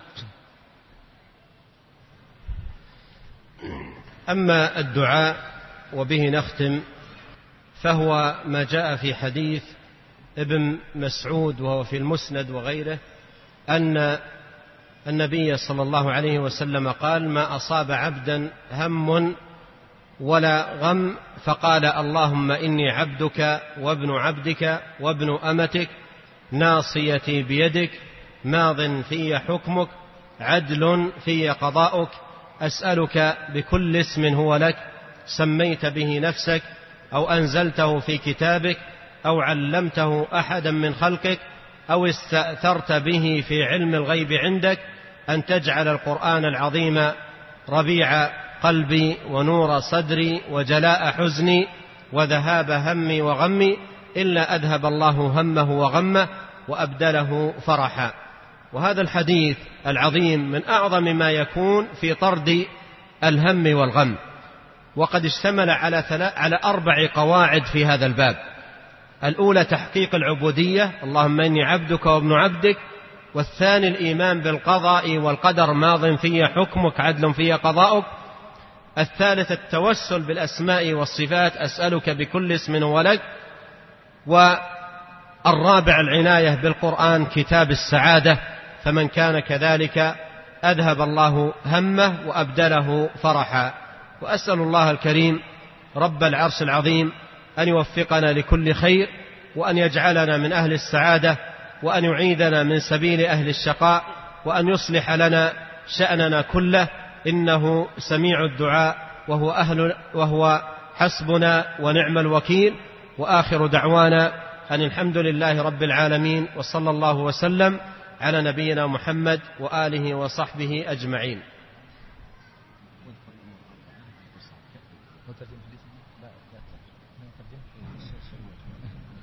Uh, dan terakhir kita tutup dengan sebuah doa yang sebagaimana diriwayatkan oleh Ibnu Mas'ud radhiyallahu taala anhu.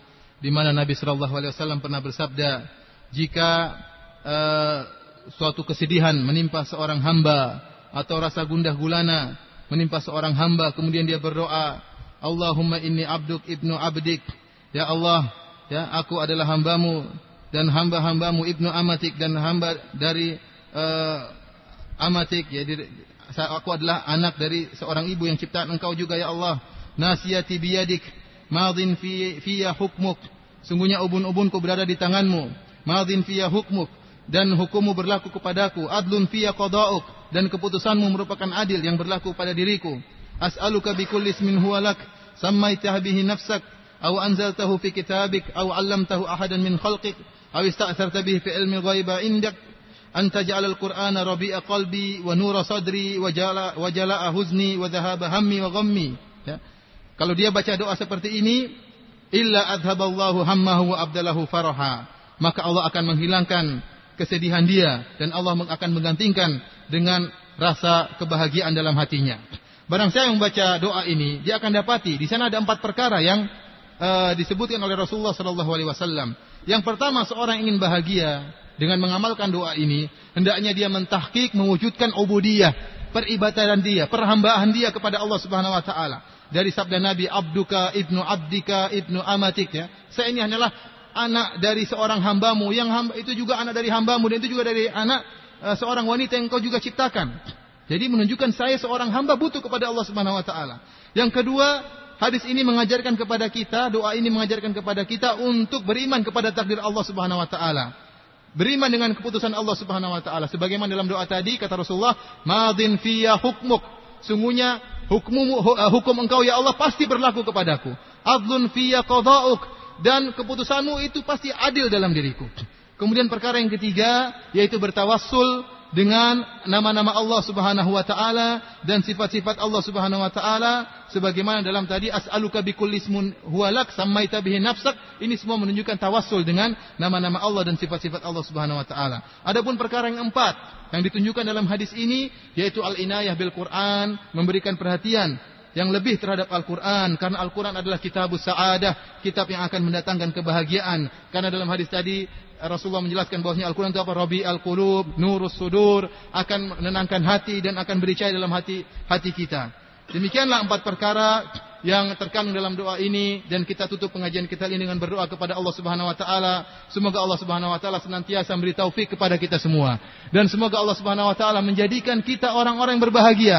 Dan semoga Allah Subhanahu wa taala menjadikan kita mudah dalam menempuh jalan-jalan yang mengantarkan kepada kebahagiaan. Dan semoga Allah Subhanahu wa taala tidak menjadikan kita termasuk orang-orang yang sengsara dan menjauhkan kita dari jalan-jalan yang mengantarkan kepada kesengsaraan. Sungguhnya Allah Subhanahu wa taala Maha mendengar dan Maha melihat dan Maha sayang kepada hamba-hambanya dan sungguhnya Allah Subhanahu wa taala Maha mengabulkan doa-doanya. Demikian saja alhamdulillahirabbil alamin.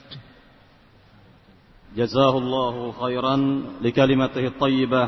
Asallahu ayaj'alaha fi mizani hasanatih yaumal qiyamah. Para hadirin dan hadirat yang dimuliakan Allah Subhanahu wa taala, kita melanjut kepada acara yang berikutnya adalah soal jawab yang insyaallah akan dipandu oleh Al Ustaz Firanda Hafizahullah taala. Falyatafaddal mashkuran. Pertanyaan pertama, Assalamualaikum warahmatullahi wabarakatuh. Syekh, salah satu kebahagiaan buat anak jika bisa berbakti kepada kedua orang tua. Bagaimana sikap anak jika belum bisa mencukupi kebutuhan orang tua di masa tuanya? Apa yang harus anak perbuat?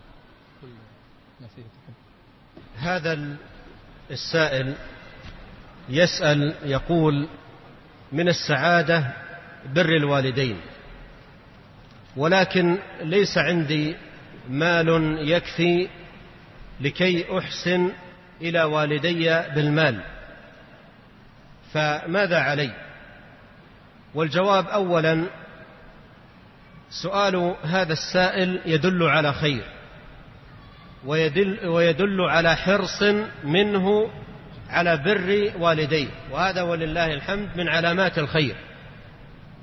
وأما ضيق ذات يده ليس عائقا عن بره بوالديه بل يجود من الموجود ويقدم المتيسر. ولهذا قال الله سبحانه وتعالى وإما تعرضن عنهما ابتغاء رحمة من ربك ترجوها فقل لهما قولا ميسورا. يعني إذا كان ليس عندك شيء تقدمه لوالديك ولا تملك مالا تساعدهما به وهما محتاجان إلى المال فقل لهما قولا ميسورا. قل لهما إن شاء الله أجد عمل وأجد مالا وأقدم لكم وأنا في خدمتكم وأنا ساع في ما يكون به راحتكم يسعى قدر استطاعته ويتقي الله سبحانه وتعالى ما استطاع. هذا من ناحية. من ناحية أخرى بر الوالدين ليس بالمال فقط بل بر الوالدين يكون بالكلمة الطيبة يكون بكثرة الدعاء لهما يكون بالرفق وحسن المعاملة لهما يكون بعدم إيذائهما أو الإساءة إليهما مجال بر الوالدين واسع. ولهذا قال الله وقضى ربك ألا تعبدوا إلا إياه وبالوالدين إحسانا إما يبلغن عندك الكبر أحدهما أو كلاهما فلا تقل لهما أف ولا تنهرهما وقل لهما قولا كريما واخفض لهما جناح الذل من الرحمة وقل رب ارحمهما كما ربياني صغيرا. ذكر الله عز وجل هذه الأمور مقدمة. الكلام الطيب البعد عن الغلظة البعد عن التأفف خفض الجناح للوالدين لين الجانب الكلمة الطيبة البشاشة حسن المعاملة الوالدان هما أحق الناس بحسن الصحابة وحسن المعاملة. بعض الناس تجده إذا لقي زميله أو صديقه يلقاه بأحسن معاملة. وإذا لقي أمة التي أحق الناس بحسن صحابته يلقاها بالفظاظة والغلظة. فمثل هذا يشقى ولا يسعد لأن من أسباب السعادة بر الوالدين والإحسان إليهما قدر الاستطاعة uh, tadi penanya mengatakan bahwasanya ya uh, saya yakin bahwasanya merupakan kebahagiaan adalah berbakti kepada kedua orang tua. Akan tapi dia tidak mampu untuk mencukupi segala kebutuhan orang tua padahal orang tuanya sudah mencapai masa masa tua. Saya menjawab uh, bahwasanya pertanyaan si penanya ini menunjukkan akan kebaikan yang terdapat dalam hatinya dan dia begitu semangat untuk berbakti kepada orang tua dan ini merupakan tanda-tanda kebaikan. Syekh menjelaskan bahwasanya tidak adanya harta yang cukup tidak menghalangi untuk berbuat baik kepada orang tua. Seorang yang mungkin hartanya pas-pasan, hendaknya dia pergi menemui orang tuanya. Kemudian dia jelaskan pada orang tuanya, "Bu, saya siap membantu ibu kapan saja. Namun yang ada cuma ini ya." ya. Ya, dia tunjukkan bahwasanya dia siap kapan saja saya, saya apa? Siap saya bantu baik dengan uh, kekuatan fisiknya atau dengan hartanya, tetapi dengan yang yang seadanya. Oleh karena dalam ayat disebutkan fakullahum qaulan maisura ya. Kalau tidak mampu maka fakullahum qaulan maisura katakanlah kepada mereka dengan kalimat yang yang baik, kalimat yang mudah ya. Maka e, menyampaikan kepada dia hendaknya dia menyampaikan kepada orang tuanya, saya siap bantu Bu, saya siap bantu ya Bapak, tapi dengan kemampuan yang saya saya miliki. Uh, yang, yang kedua, yang kedua ini dari satu sisi, yang lain, saya menjelaskan bahwasanya birrul walidain membantu kedua orang tua itu tidak hanya terbatas pada harta. Bukan berarti kita membantu orang tuanya dengan harta. Ya, memang benar membantu orang tua dengan harta suatu perkara yang sangat baik. Akan tapi bukan cuma dengan itu, bahkan dengan bertutur kata yang baik, kemudian husnul muamalah, bermuamalah yang baik, ya kemudian menyenangkan hatinya dengan kelembutan. Ini semua adalah bentuk berbakti kepada orang tua. Bahkan perkara-perkara ini disebutkan dalam Al-Quran. Allah Subhanahu wa taala berfirman, "Wa qada rabbuka alla ta'budu illa iyyah wa bil walidaini ihsana." Ya. Sungguhnya ya Rabbmu telah memutuskan bahwasanya tidak ada yang berhak untuk disembah kecuali Allah Subhanahu wa taala. Wa bil walidaini ihsanan hendaknya kalian benar-benar berbuat baik semaksimal mungkin kepada kedua orang tua kalian. Imma yablughanna indakal kibara ahaduhuma aw kilahuma fala taqul lahumu uffin wala tanharhuma wa qawlan karima. Dan jika kedua orang tua kalian sudah mencapai masa tua, salah satunya atau kedua-duanya di sisi engkau, tinggal bersama engkau ya, bersama engkau, Fala taqul lahuma uffin. Maka jangan mengatakan cih, jangan mengatakan ah. Wala tanharhuma apalagi membentak mereka. Wa kullahuma qaulan karima tapi katakanlah kepada mereka dengan kalimat yang yang baik. Waqfid lahuma janaha dhulli minar rahmah. Bahkan dengan apa? Merendahkan diri. Tawaduk merendahkan diri di hadapan kedua orang tua. Jangan sombong, jangan congkak di hadapan orang tua. Jangan mentang-mentang di hadapan orang tua. Lihat Allah Subhanahu wa taala menyebutkan perkara-perkara ini ini tidak berkaitan dengan harta.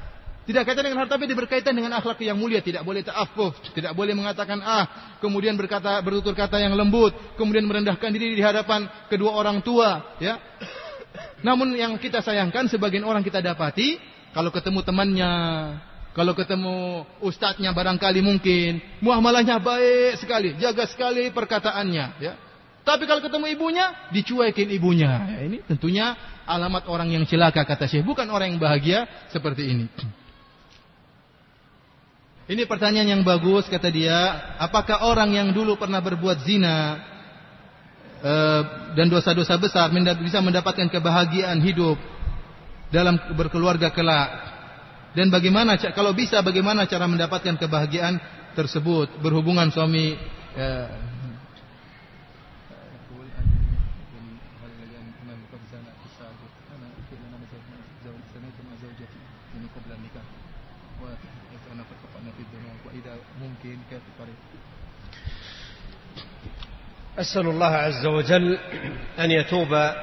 على السائل وأن يتوب على الجميع وأن يوفقنا جميعا للتوبة النصوح التي يرضى بها عنا. وأما الجواب فإن الله عز وجل يقول في سورة الزمر قل يا عبادي الذين أسرفوا على أنفسهم لا تقنطوا من رحمة الله. إن الله يغفر الذنوب جميعا إنه هو الغفور الرحيم. ويقول جل وعلا في سورة الفرقان والذين لا يدعون مع الله إلها آخر ولا يقتلون النفس التي حرم الله إلا بالحق ولا يزنون. ومن يفعل ذلك يلقى أثاما يضاعف له العذاب يوم القيامة ويخلد فيه مهانا إلا من تاب وآمن. وعمل عملا صالحا فأولئك يبدل الله سيئاتهم حسنات وكان الله غفورا رحيما. فجواب سؤالك في هاتين الآيتين. فعليك بالصدق مع الله جل وعلا في التوبة والندم على ما كان منك من ذنوب وأن تعزم عزما أكيدا على عدم العودة لمثل هذه الآثام ومقارفة هذه الفواحش وأن تكثر من الاستغفار والإنابة إلى الله سبحانه وتعالى وتكثر من الأعمال الصالحات إلا من تاب وآمن وعمل عملا صالحا. تكثر من الأعمال الصالحة والإنابة إلى الله عز وجل. ومن تاب تاب الله عليه. Uh, saya mengatakan bahwasanya beliau berdoa kepada Allah Subhanahu wa taala agar menerima taubat si penanya ini yang telah terjerumus dalam zina atau dosa dosa besar yang lain dan juga semoga Allah Subhanahu wa taala ya uh, menjadikan kita orang-orang yang bertobat dan semoga Allah Subhanahu wa taala mengampuni dosa-dosa kita semua ya. Adapun uh, yang berkaitan dengan jawaban pertanyaan ini Uh, sungguhnya Syekh mengatakan Allah Subhanahu wa taala telah berfirman dalam surat Az-Zumar di mana Allah Subhanahu wa taala berfirman kul ya ibadiyalladzina asrafu ala anfusihim la taqnatu min rahmatillah. Innallaha yaghfiru dzunuba jami'an. Innahu huwal ghafurur rahim. Kata Allah katakanlah kepada hamba-hambaku yang mereka telah melampaui batas tenggelam dalam kemaksiatan. Ya. La taqnatu min rahmatillah. Janganlah kalian putus asa dari kasih sayang Allah Subhanahu wa taala Inna Allah yaghfiru dhunuba jami'a. Sungguhnya Allah mengampuni seluruh dosa. Kemudian Allah tutup ayat ini dengan perkataannya Inna Allah huwal ghafurur rahim. Sungguhnya Allah itu maha pengampun lagi maha sayang kepada hamba-hambanya. Dan dalam surat Al-Furqan Allah Subhanahu wa taala berfirman, "Walladzina la yad'una ma'allahi ilahan akhar wa la yaqtuluna an-nafsa allati harrama Allah illa bil haqq wa la yaznun."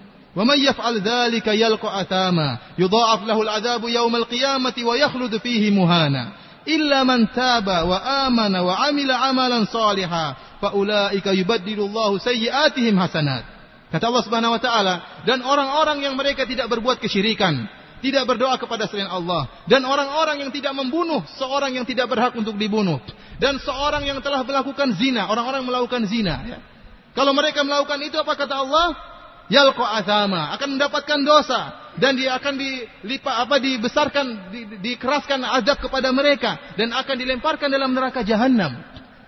Namun barang siapa yang bertobat kata Allah illa man taba, kecuali orang yang bertobat. Yang berbuat syirik, yang bunuh orang lain, yang berbuat zina kalau bertobat, illa man taba bertobat. Kemudian apa? Wa amila amalan salih, beriman kemudian beramal saleh. Maka itulah orang-orang Allah akan merubah kejelekan-kejelekan mereka menjadi kebaikan-kebaikan. Jawaban terhadap pertanyaan ini pada dua ayat ini dalam surat Az-Zumar dan dalam surat Al-Furqan. Dalam kedua ayat ini Allah menunjukkan hendaknya kita segera memperbaiki taubah, memperbarui taubat kita. Dan kita berazam tidak akan kembali lagi kepada dosa-dosa besar yang pernah kita lakukan. Dan kita memperbanyak istighfar kepada Allah Subhanahu wa taala. Dan jangan lupa untuk perbanyak amalan soleh karena Allah mengatakan illa man taba wa amana wa amila amalan salihah kecuali orang yang bertobat dan beriman dan melakukan amalan-amalan soleh. Uh, Pertanyaan Syekh Alhamdulillah Pagi ini saya mendapatkan kebahagiaan dari Allah subhanahu wa ta'ala. Walaupun besok saya mendapatkan keputusan dari dokter Untuk operasi jantung Ini adalah keputusan dari Allah subhanahu wa ta'ala Yang harus saya terima dengan ikhlas dan sabar. Pertanyaannya Apakah ini adalah cobaan dari Allah untuk saya? Bagaimana sikap saya sebagai seorang beriman menghadapi hal ini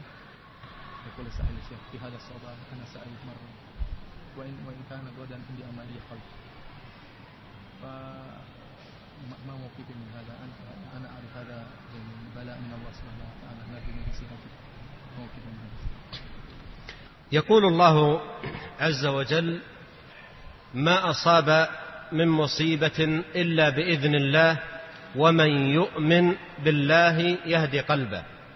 قال علقمة من السلف رحمه الله تعالى هو المؤمن تصيبه المصيبة فيعلم أنها من عند الله فيرضى ويسلم. والواجب على المسلم عند مصابه أن يتلقى ذلك بالرضا والصبر. وهذا الذي تذكر أنك أصبت به وهو المرض الذي في القلب وأنك تجري لذلك عملية جراحية غدا. اولا تقابل ذلك بالرضا والصبر وأيضا تقابل ذلك بالرجاء والأمل. من الله سبحانه وتعالى أن يمن عليك بالشفاء لأن الشفاء بيده. وفي الدعاء المأثور عن نبينا عليه الصلاة والسلام اللهم رب الناس مذهب البأس اشف أنت الشافي. لا شفاء إلا شفاؤك شفاء لا يغادر سقما. فالشفاء بيد الله عز وجل. مهما كان المرض الشفاء بيد الله. والأطباء إنما يبذلون الأسباب أما الشفاء بيد الله عز وجل. فعليك اولا أن تتلقى هذا المصاب بالصبر وثانيا بالأمل والرجاء والتوكل على الله وطلب العون منه ودعاؤه سبحانه وتعالى ولا سيما بهذا الدعاء العظيم الذي كان يدعو به النبي عليه الصلاة والسلام uh, saya menjelaskan ya, bahwasanya apa yang disebutkan tentang musibah yang menimpa ya penyakit jantung ya maka saya mengingatkan akan sebuah ayat yang telah beliau bacakan ma asaba min musibatin illa biiznillah wa man yu'min billahi yahdi qalbah musibah apa saja yang menimpa seorang hamba itu karena izin Allah Subhanahu wa taala semuanya dari Allah Subhanahu wa taala Wa man yu'min billah, namun barang siapa yang beriman akan hal ini, beriman akan hal ini yahdi qalbah, maka Allah akan memberi petunjuk kepada dia. Al-Qamah salah seorang salafus saleh mengatakan tentang ayat ini turun kepada eh, tentang huwal mu'min tusibuhu musibatun faya'lamu annahu min indillah ya fayasbir wa yusallim. Yaitu bagaimana mengamalkan ayat ini yaitu seorang mukmin yang dia ditimpa dengan musibah Kemudian dia yakin bahwasanya musibah itu datang dari keputusan Allah Subhanahu wa taala. Kemudian dia bersabar dan pasrah dengan keputusan Allah Subhanahu wa taala. Oleh karena itu, jika kita terkena musibah, musibah apa saja termasuk penyakit jantung atau operasi dan yang lainnya, maka kita terima musibah tersebut dengan ridha, dengan penuh dengan kesabaran. Namun saya mengatakan jangan lupa kita juga berharap. Karena Allah tempat harapan. Kita juga berangan-angan semoga Allah menyembuhkan penyakit kita. Kita ditimpa penyakit jantung, penyakit yang lainnya berdoa semoga Allah menyembuhkan penyakit kita. Kenapa? Karena kita yakin yang menyembuhkan hanyalah Allah Subhanahu wa taala. Oleh karena di antara doa yang pernah dibacakan oleh Nabi sallallahu alaihi wasallam, Allahumma rabban nas. Ya Allah, ya Tuhanku, Tuhan sekalian manusia. Mudhibal ba's, yang menghilangkan penyakit. Ishfi anta syafi. Ya Allah sembuhkan, sembuhkanlah aku dan engkau adalah Maha penyembuh. La syifa illa syifa'uk. Tidak ada kesembuhan kecuali dari kesembuhan engkau. Syifa'un la yughadiru saqama. Kesembuhan yang akan menghilangkan menghilangkan penyakit. Oleh karena itu para atibba, para dokter, mereka itu hanya berusaha. Ya. Namun ingat keputusan di tangan Allah Subhanahu wa taala. Kalau mengatakan sembuh sembuh meskipun tidak usah dioperasi ya. Oleh karena itu, Syekh mengatakan pertama harus ridha, sabar dengan keputusan Allah, yang kedua berdoa dengan doa yang pernah dibacakan oleh Nabi sallallahu alaihi wasallam ini. وفي القرآن الكريم وفي القرآن الكريم وإذا مرضت فهو يشفين فالشفاء بيد الله سبحانه وتعالى. وأسأل الله الكريم رب الناس مذهب البأس الشافي لا شفاء إلا شفاؤه أن يشفيك وأن يشفي كل مسلم. اللهم اشف مرضانا ومرضى المسلمين. Dan dalam Al-Quran ya perkataan Nabi Ibrahim alaihissalam wa idza maridtu fahuwa yashfin. Kalau saya sakit maka Allah lah yang akan menyembuhkan saya. Oleh karena itu kesembuhan di tangan Allah dan Syekh berdoa kepada bapak ini ya Semoga Allah Subhanahu wa taala menyembuhkan penyakit Bapak dan juga menyembuhkan kaum muslimin yang dalam keadaan sakit dan semoga Allah Subhanahu wa taala mengabulkan doa beliau dan doa Bapak. Pertanyaan, jika ria merupakan syirik kecil yang bersarang di hati,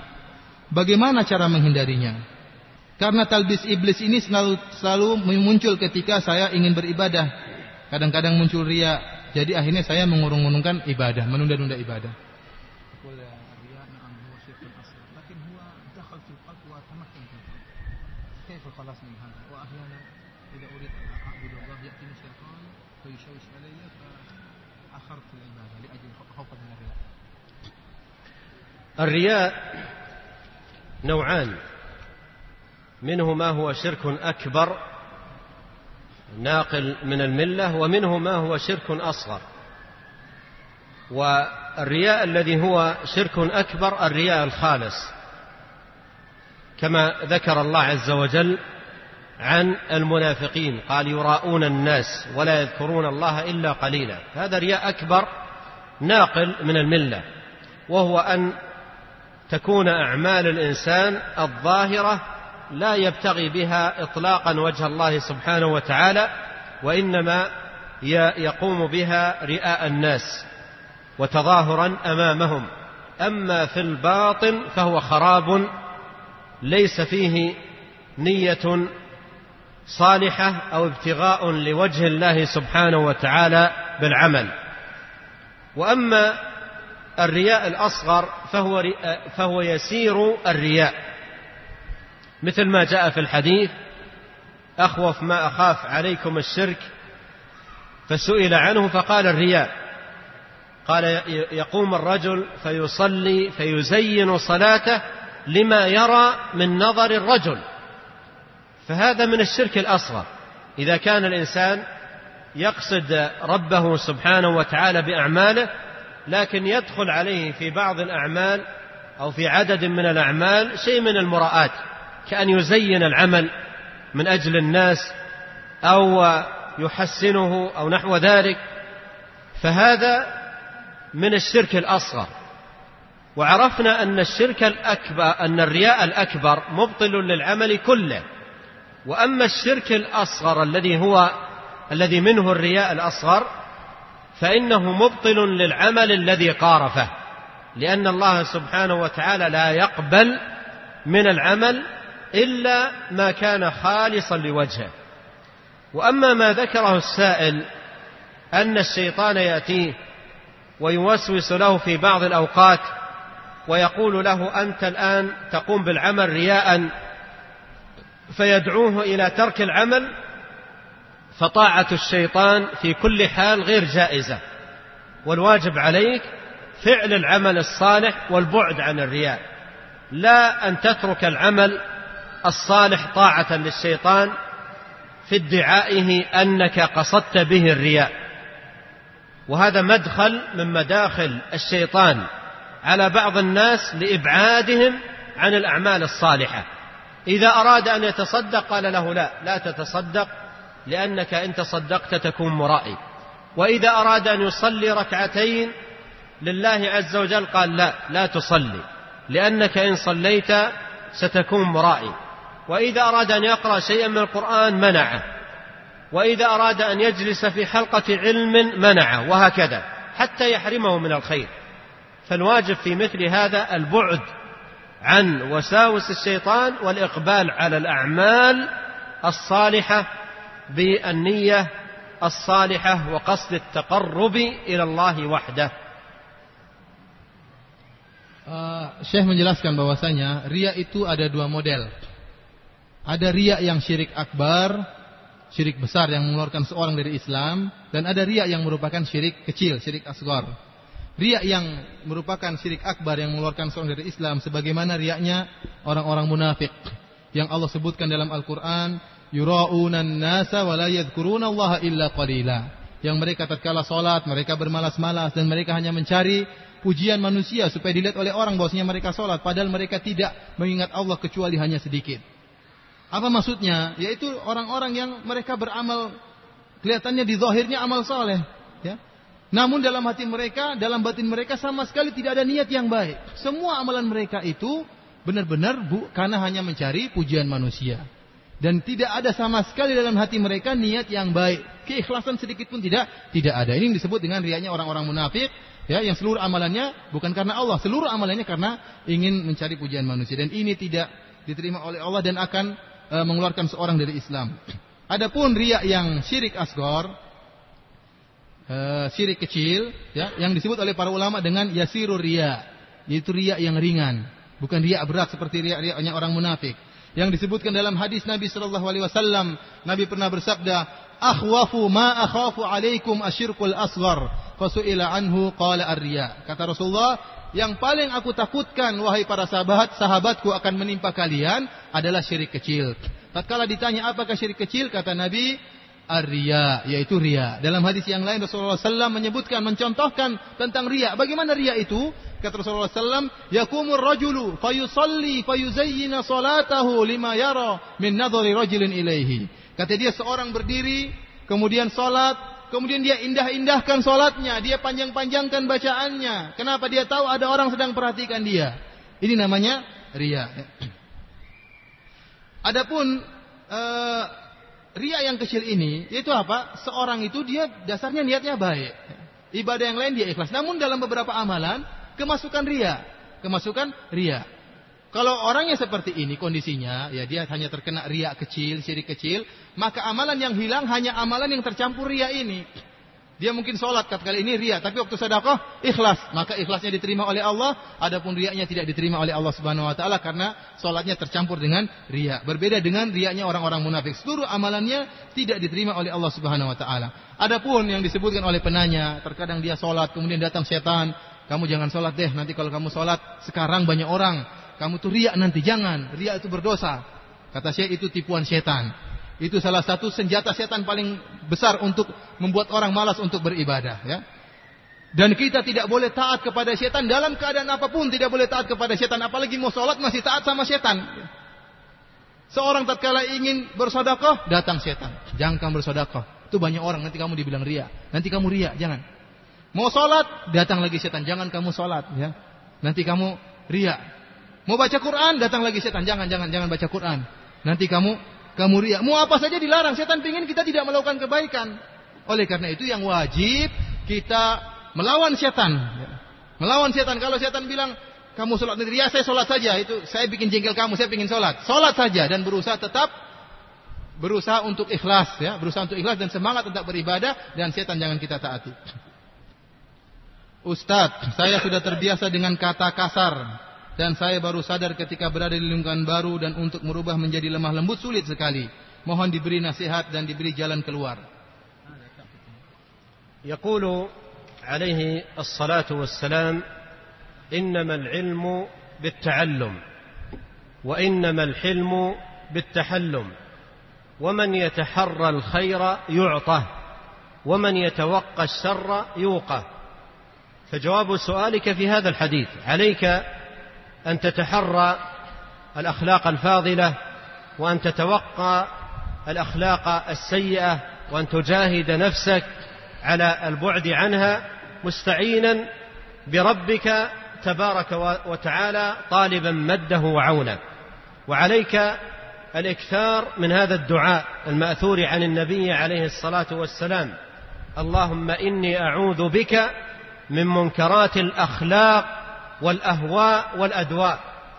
وكذلك قوله عليه الصلاة والسلام اللهم اهدني لأحسن الأخلاق لا يهدي لأحسنها إلا أنت واصرف عني سيئها لا يصرف عني سيئها إلا أنت.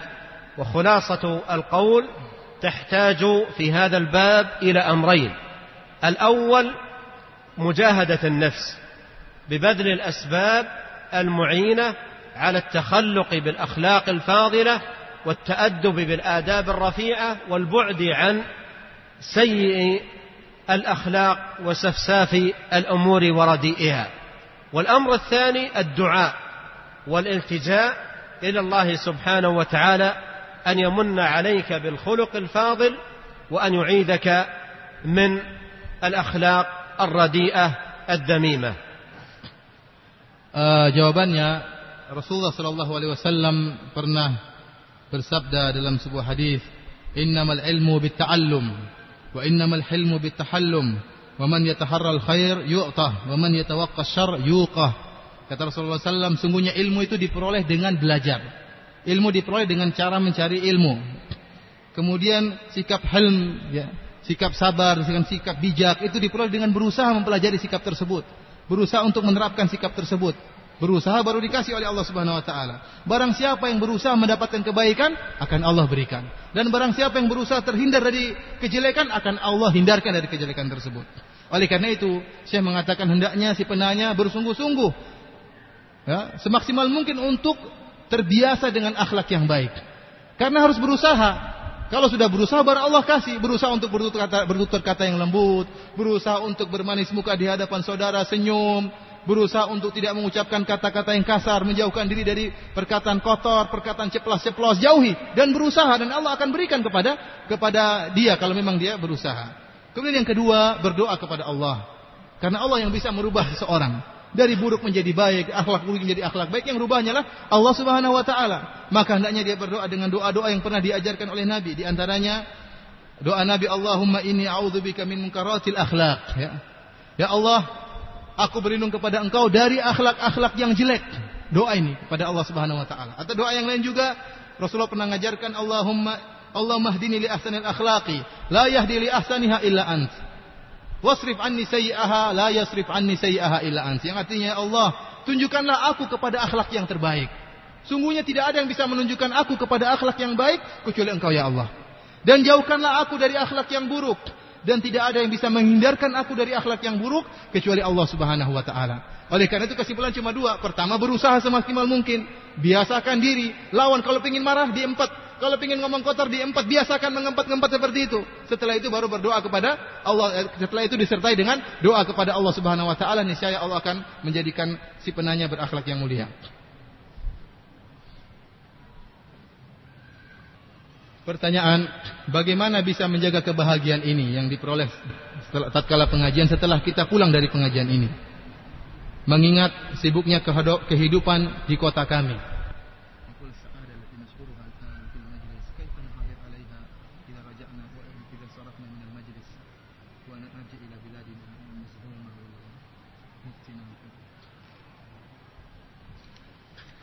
هذا السؤال يدل على خير عظيم. ولا شك أن مجالس الذكر وحلق العلم تزيد الإيمان وتقوي الصلة بالله تبارك وتعالى.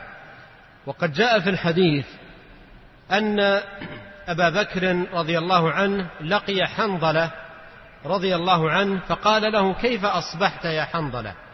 قال نافق حنظلة. قال وما ذاك؟ قال إذا كنا عند رسول الله صلى الله عليه وسلم وذكرنا بالجنة والنار كانت رأي العين وإذا عافسنا الضيعه والولدان غفلنا ونسينا. فانطلق به أبو بكر رضي الله عنه إلى النبي عليه الصلاة والسلام فذكر له الأمر فقال عليه الصلاة والسلام لو لو تدومون على ما أنتم عليه عندي لصافحتكم الملائكة في سكك المدينة ولكن ساعة وساعة.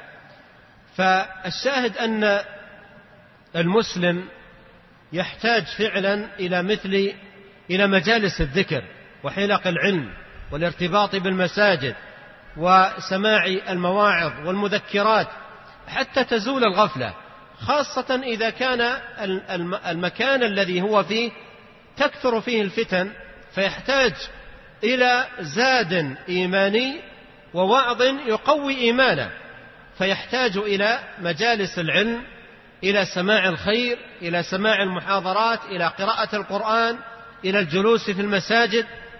فهذه الأمور بإذن الله سبحانه وتعالى تكون عونا للعبد للسلامة والأمنة من ذلك. وعليك بالمحافظة على الصلاة والتبكير لها في المساجد. وإذا فرغت لا تسارع بالخروج بل عليك بذكر الله سبحانه وتعالى. فإن ذلك من أعظم ما يبعد الإنسان عن الفواحش والمنكرات.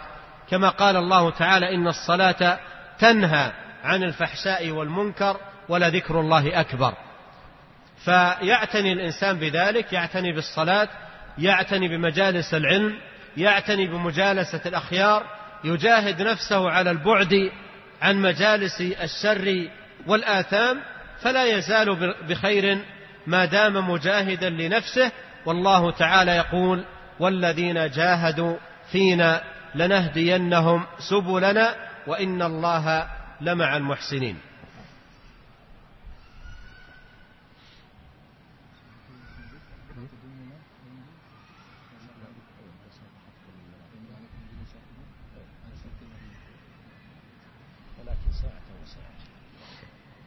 Uh, saya menjelaskan bahwasanya tidak diragukan lagi bahwasanya hilaqut dzikr, majelis-majelis ilmu, ya, pengajian-pengajian itu merupakan eh, taman-taman uh, kebahagiaan ya. Tentunya uh, orang yang uh, menghadiri pengajian-pengajian maka dia akan mendapatkan kebahagiaan.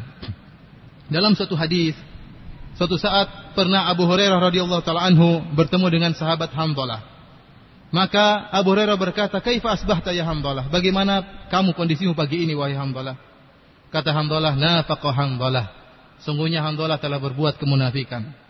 Kata Abu Hurairah, "Wa? Kenapa memangnya?" Kata dia, "Kalau kita sedang bersama dengan Nabi," kata Hamdalah, "kita bersama sedang sedang bersama dengan Nabi, kemudian Nabi menyebutkan tentang jannah, tentang neraka, ka'annahu ra'yal ain. Seakan-akan kami lihat betul surga dan neraka di hadapan kami, tambah keimanan." Tapi kalau sudah pulang ke rumah, ketemu anak-anak, kerja sibuk, lupa semuanya. Nasina. Itu yang disebut dengan handola dengan sifat kemunafikan. Maka Abu Hurairah pun mendengar perkataan ini merasa merasa besar perkataan ini. Maka dia pun menemui Rasulullah Shallallahu Alaihi Wasallam menyampaikan tentang apa yang telah diucapkan oleh sahabat Hamdalah. Maka Rasulullah SAW mengatakan, "Lau tadumuna ilayya." Kalau seandainya kalian semua selalu bersama saya, indi, La safahatil malaikatu ala sikakil Madinah. Kalau seandainya kalian terus bersama saya, malaikat akan turun beri salam sama kalian di jalan-jalan di kota Madinah. Akan tapi walakin saatan saakat saatan. Akan tapi ya terkadang terkadang tidak terus-terusan. Ya. Karena manusia ini banyak kesibukan ya. Oleh karena itu saya mengingatkan kita kalau ikut pengajian bertambah iman. Oleh karena itu sering-sering ikut pengajian, terutama kita tinggal di luar tempat yang banyak fitnahnya. Siapa yang lebih banyak fitnahnya Jakarta atau selain Jakarta? Paling banyak fitnahnya di mana? Kita tinggal di tempat yang banyak fitnahnya, lalu kedua harus tambah zat, harus tambah bekal yang lebih banyak. Baca banyak baca Quran, banyak ikut pengajian, banyak uh, baca tafsir Quran. Pokoknya hal-hal yang bisa mendatangkan keimanan kita perbanyak sebagai modal kita untuk berhadapan dengan fitnah yang ada. Kemudian kata saya jangan lupa untuk perhatian terhadap sholat. Bukan sekedar sholat, tetapi jadilah orang yang kalau azan langsung sudah di masjid. Segera pergi ke masjid untuk melaksanakan sholat. Kemudian jangan jadi orang pertama keluar dari masjid. Ada orang assalamualaikum keluar dari masjid. Tidak. Di masjid setelah azan orang keluar zikir. Biar orang keluar zikir berdoa. Karena itu zikir itu mengingat Allah. Subhanallah, Allahu Akbar. Itu benar-benar mengingatkan kita kepada Allah. Nikmat dari Allah subhanahu wa ta'ala. Dan ini merupakan sarana terbesar untuk bisa menjaga kita dari fitnah yang ada. Karena Allah subhanahu wa ta'ala berfirman. Inna salata tanha anil fahsyai wal munkar. Sungguhnya solat itu mencegah dari perbuatan kekejian dan kemungkaran. Kapan? Uh, bagaimana cara mengatasi rasa malu yang timbul tatkala di masyarakat kita tidak ada yang sholat jamaah, kemudian saya sendiri pergi ke masjid dilihat oleh orang banyak, timbul rasa malu. Bagaimana menghilangkan rasa malu tersebut?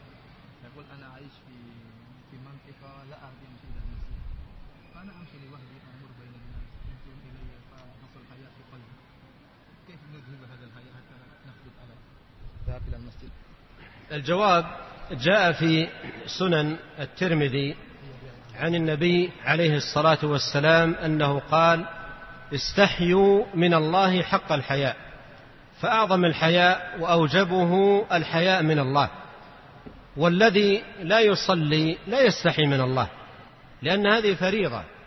أوجبها الله سبحانه وتعالى عليه وأمره بها فإذا كنت مصليا محافظا على الصلاة فهذا باب من أبواب الحياء العظيمة من الله سبحانه وتعالى. أما نظر الناس إليك فلا يضرك شيئا. بل إن هؤلاء مع صبرك وثباتك واستمرارك ومداومتك على الصلاة ستكون قدوة لهم في الخير وعبادة الله سبحانه وتعالى فيتأثرون بك. لأن الدعوة إلى الله عز وجل كما أنها تكون بالقول تكون أيضا بالعمل. فعليك بالصبر والمداومة على ذلك وأيضا مناصحة الناس بالحسنى لأن يقيموا الصلاة. قال لقمان الحكيم لابنه وهو يعظه يا بني أقم الصلاة وأمر بالمعروف وانهى عن المنكر واصبر على ما أصابك إن ذلك من عزم الأمور Saya menjelaskan bahwasanya dalam sebuah hadis Rasulullah sallallahu alaihi wasallam bersabda istahyu minallahi haqqal haya. Hendaknya kalian merasa malu kepada Allah dengan benar-benar malu kepada Allah Subhanahu wa taala. Oleh karena itu rasa malu yang paling besar yaitu rasa malu kepada Allah Subhanahu wa taala. Orang yang tidak sholat, orang yang tidak punya malu. Tidak malu kepada Allah Subhanahu wa taala. Kenapa kita yang sholat mesti malu? Yang yang apa namanya yang tidak punya malu adalah orang yang tidak sholat. Ya. Kita tuh malu kepada Allah, makanya kita sholat. Makanya kita sholat. Allah perintahkan kita sholat, maka kita malu tidak. Maka kita pun mentaati perintah Allah dengan sholat berjalan ke masjid untuk melaksanakan sholat berjamaah. Oleh karena itu saya mengingatkan kalau kamu sholat itu merupakan bentuk rasa malu terbesar kepada Allah Subhanahu wa taala. Adapun pandangan manusia, komentar manusia tatkala memandang engkau sedang berjalan menuju masjid, maka tidak akan memberi kemudaratan kepada engkau. Bahkan jika engkau benar-benar sabar, kemudian tetap berjalan di antara mereka menuju masjid untuk sholat, yakinlah bahwasanya mereka akan ikut engkau suatu saat. Karena itu bentuk suatu dakwah. Karena dakwah itu baik dengan lisan maupun dengan perbuatan, dengan amalan. Kalau kita sabar, mungkin hari pertama dicela, hari kedua dicela, diejek, lama-lama mereka akan ikut lama-lama. Karena kita juga berdakwah dengan sikap kita yang berjalan menuju ke masjid.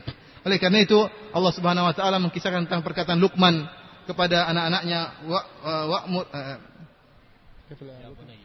Ya bunayya aqimis salata wa'mur bil bil ma'ruf wanhi uh, wanha 'anil munkari wasbir 'ala ma asabak ya. Kata Luqman kepada anak-anaknya kepada anaknya wahai anakku ya, hendaknya uh, engkau apa namanya menegakkan salat dan menyeru kepada ke, uh, perkara yang ma'ruf dan mencegah dari kemungkaran, kemudian wasbir 'ala ma asabak dan sabarlah terhadap apa yang menimpa engkau. Karena dakwah itu butuh kesabaran, pasti ada gangguan, pasti ada celaan. وفي خاتمة هذا اللقاء أحمد الله حمدا كثيرا طيبا مباركا فيه كما يحب ربنا ويرضى أن يسر لنا هذا اللقاء ومن عليه ومن علينا به وأسأله أن يتقبله منا بقبول حسن وأن يجعله لنا جميعا نافعا وأن يجعله في موازين حسناتنا يوم نلقى الله عز وجل.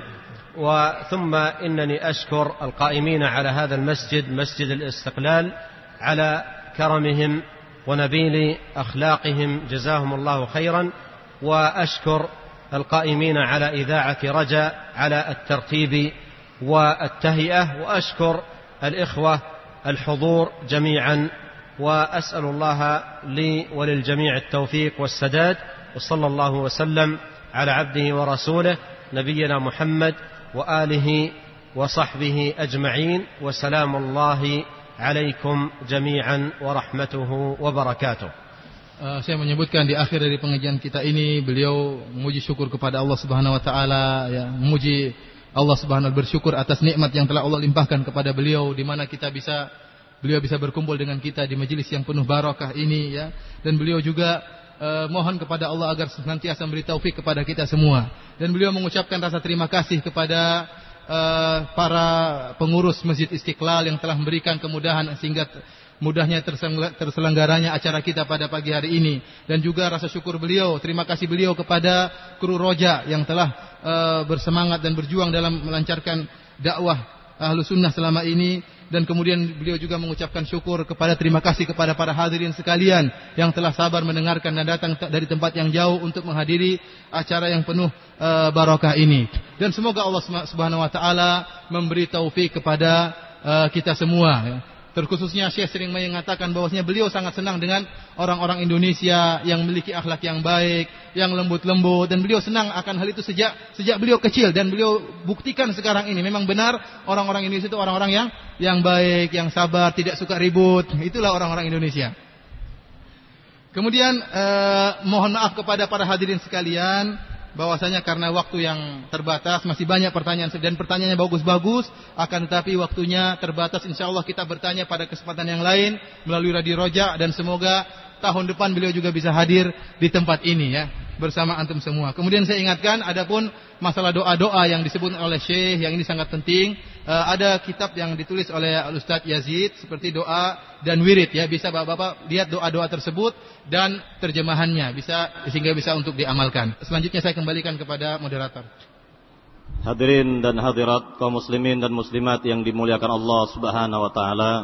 Alhamdulillah kita sudah mengikuti acara demi acara dan sekali lagi kita sampaikan terima kasih kita kepada Syekh Profesor Dr. Abdul Razak bin Abdul Musin Al-Badr hafizahullah taala dan kepada asatidah lainnya. Kemudian yang kedua terima kasih kepada seluruh panitia yang ikut serta dalam acara ini dan yang ketiga terima kasih kepada seluruh hadirin dan hadirat yang telah memenuhi undangan ini mudah-mudahan kehadiran kita semua diberkahi oleh Allah Subhanahu wa taala.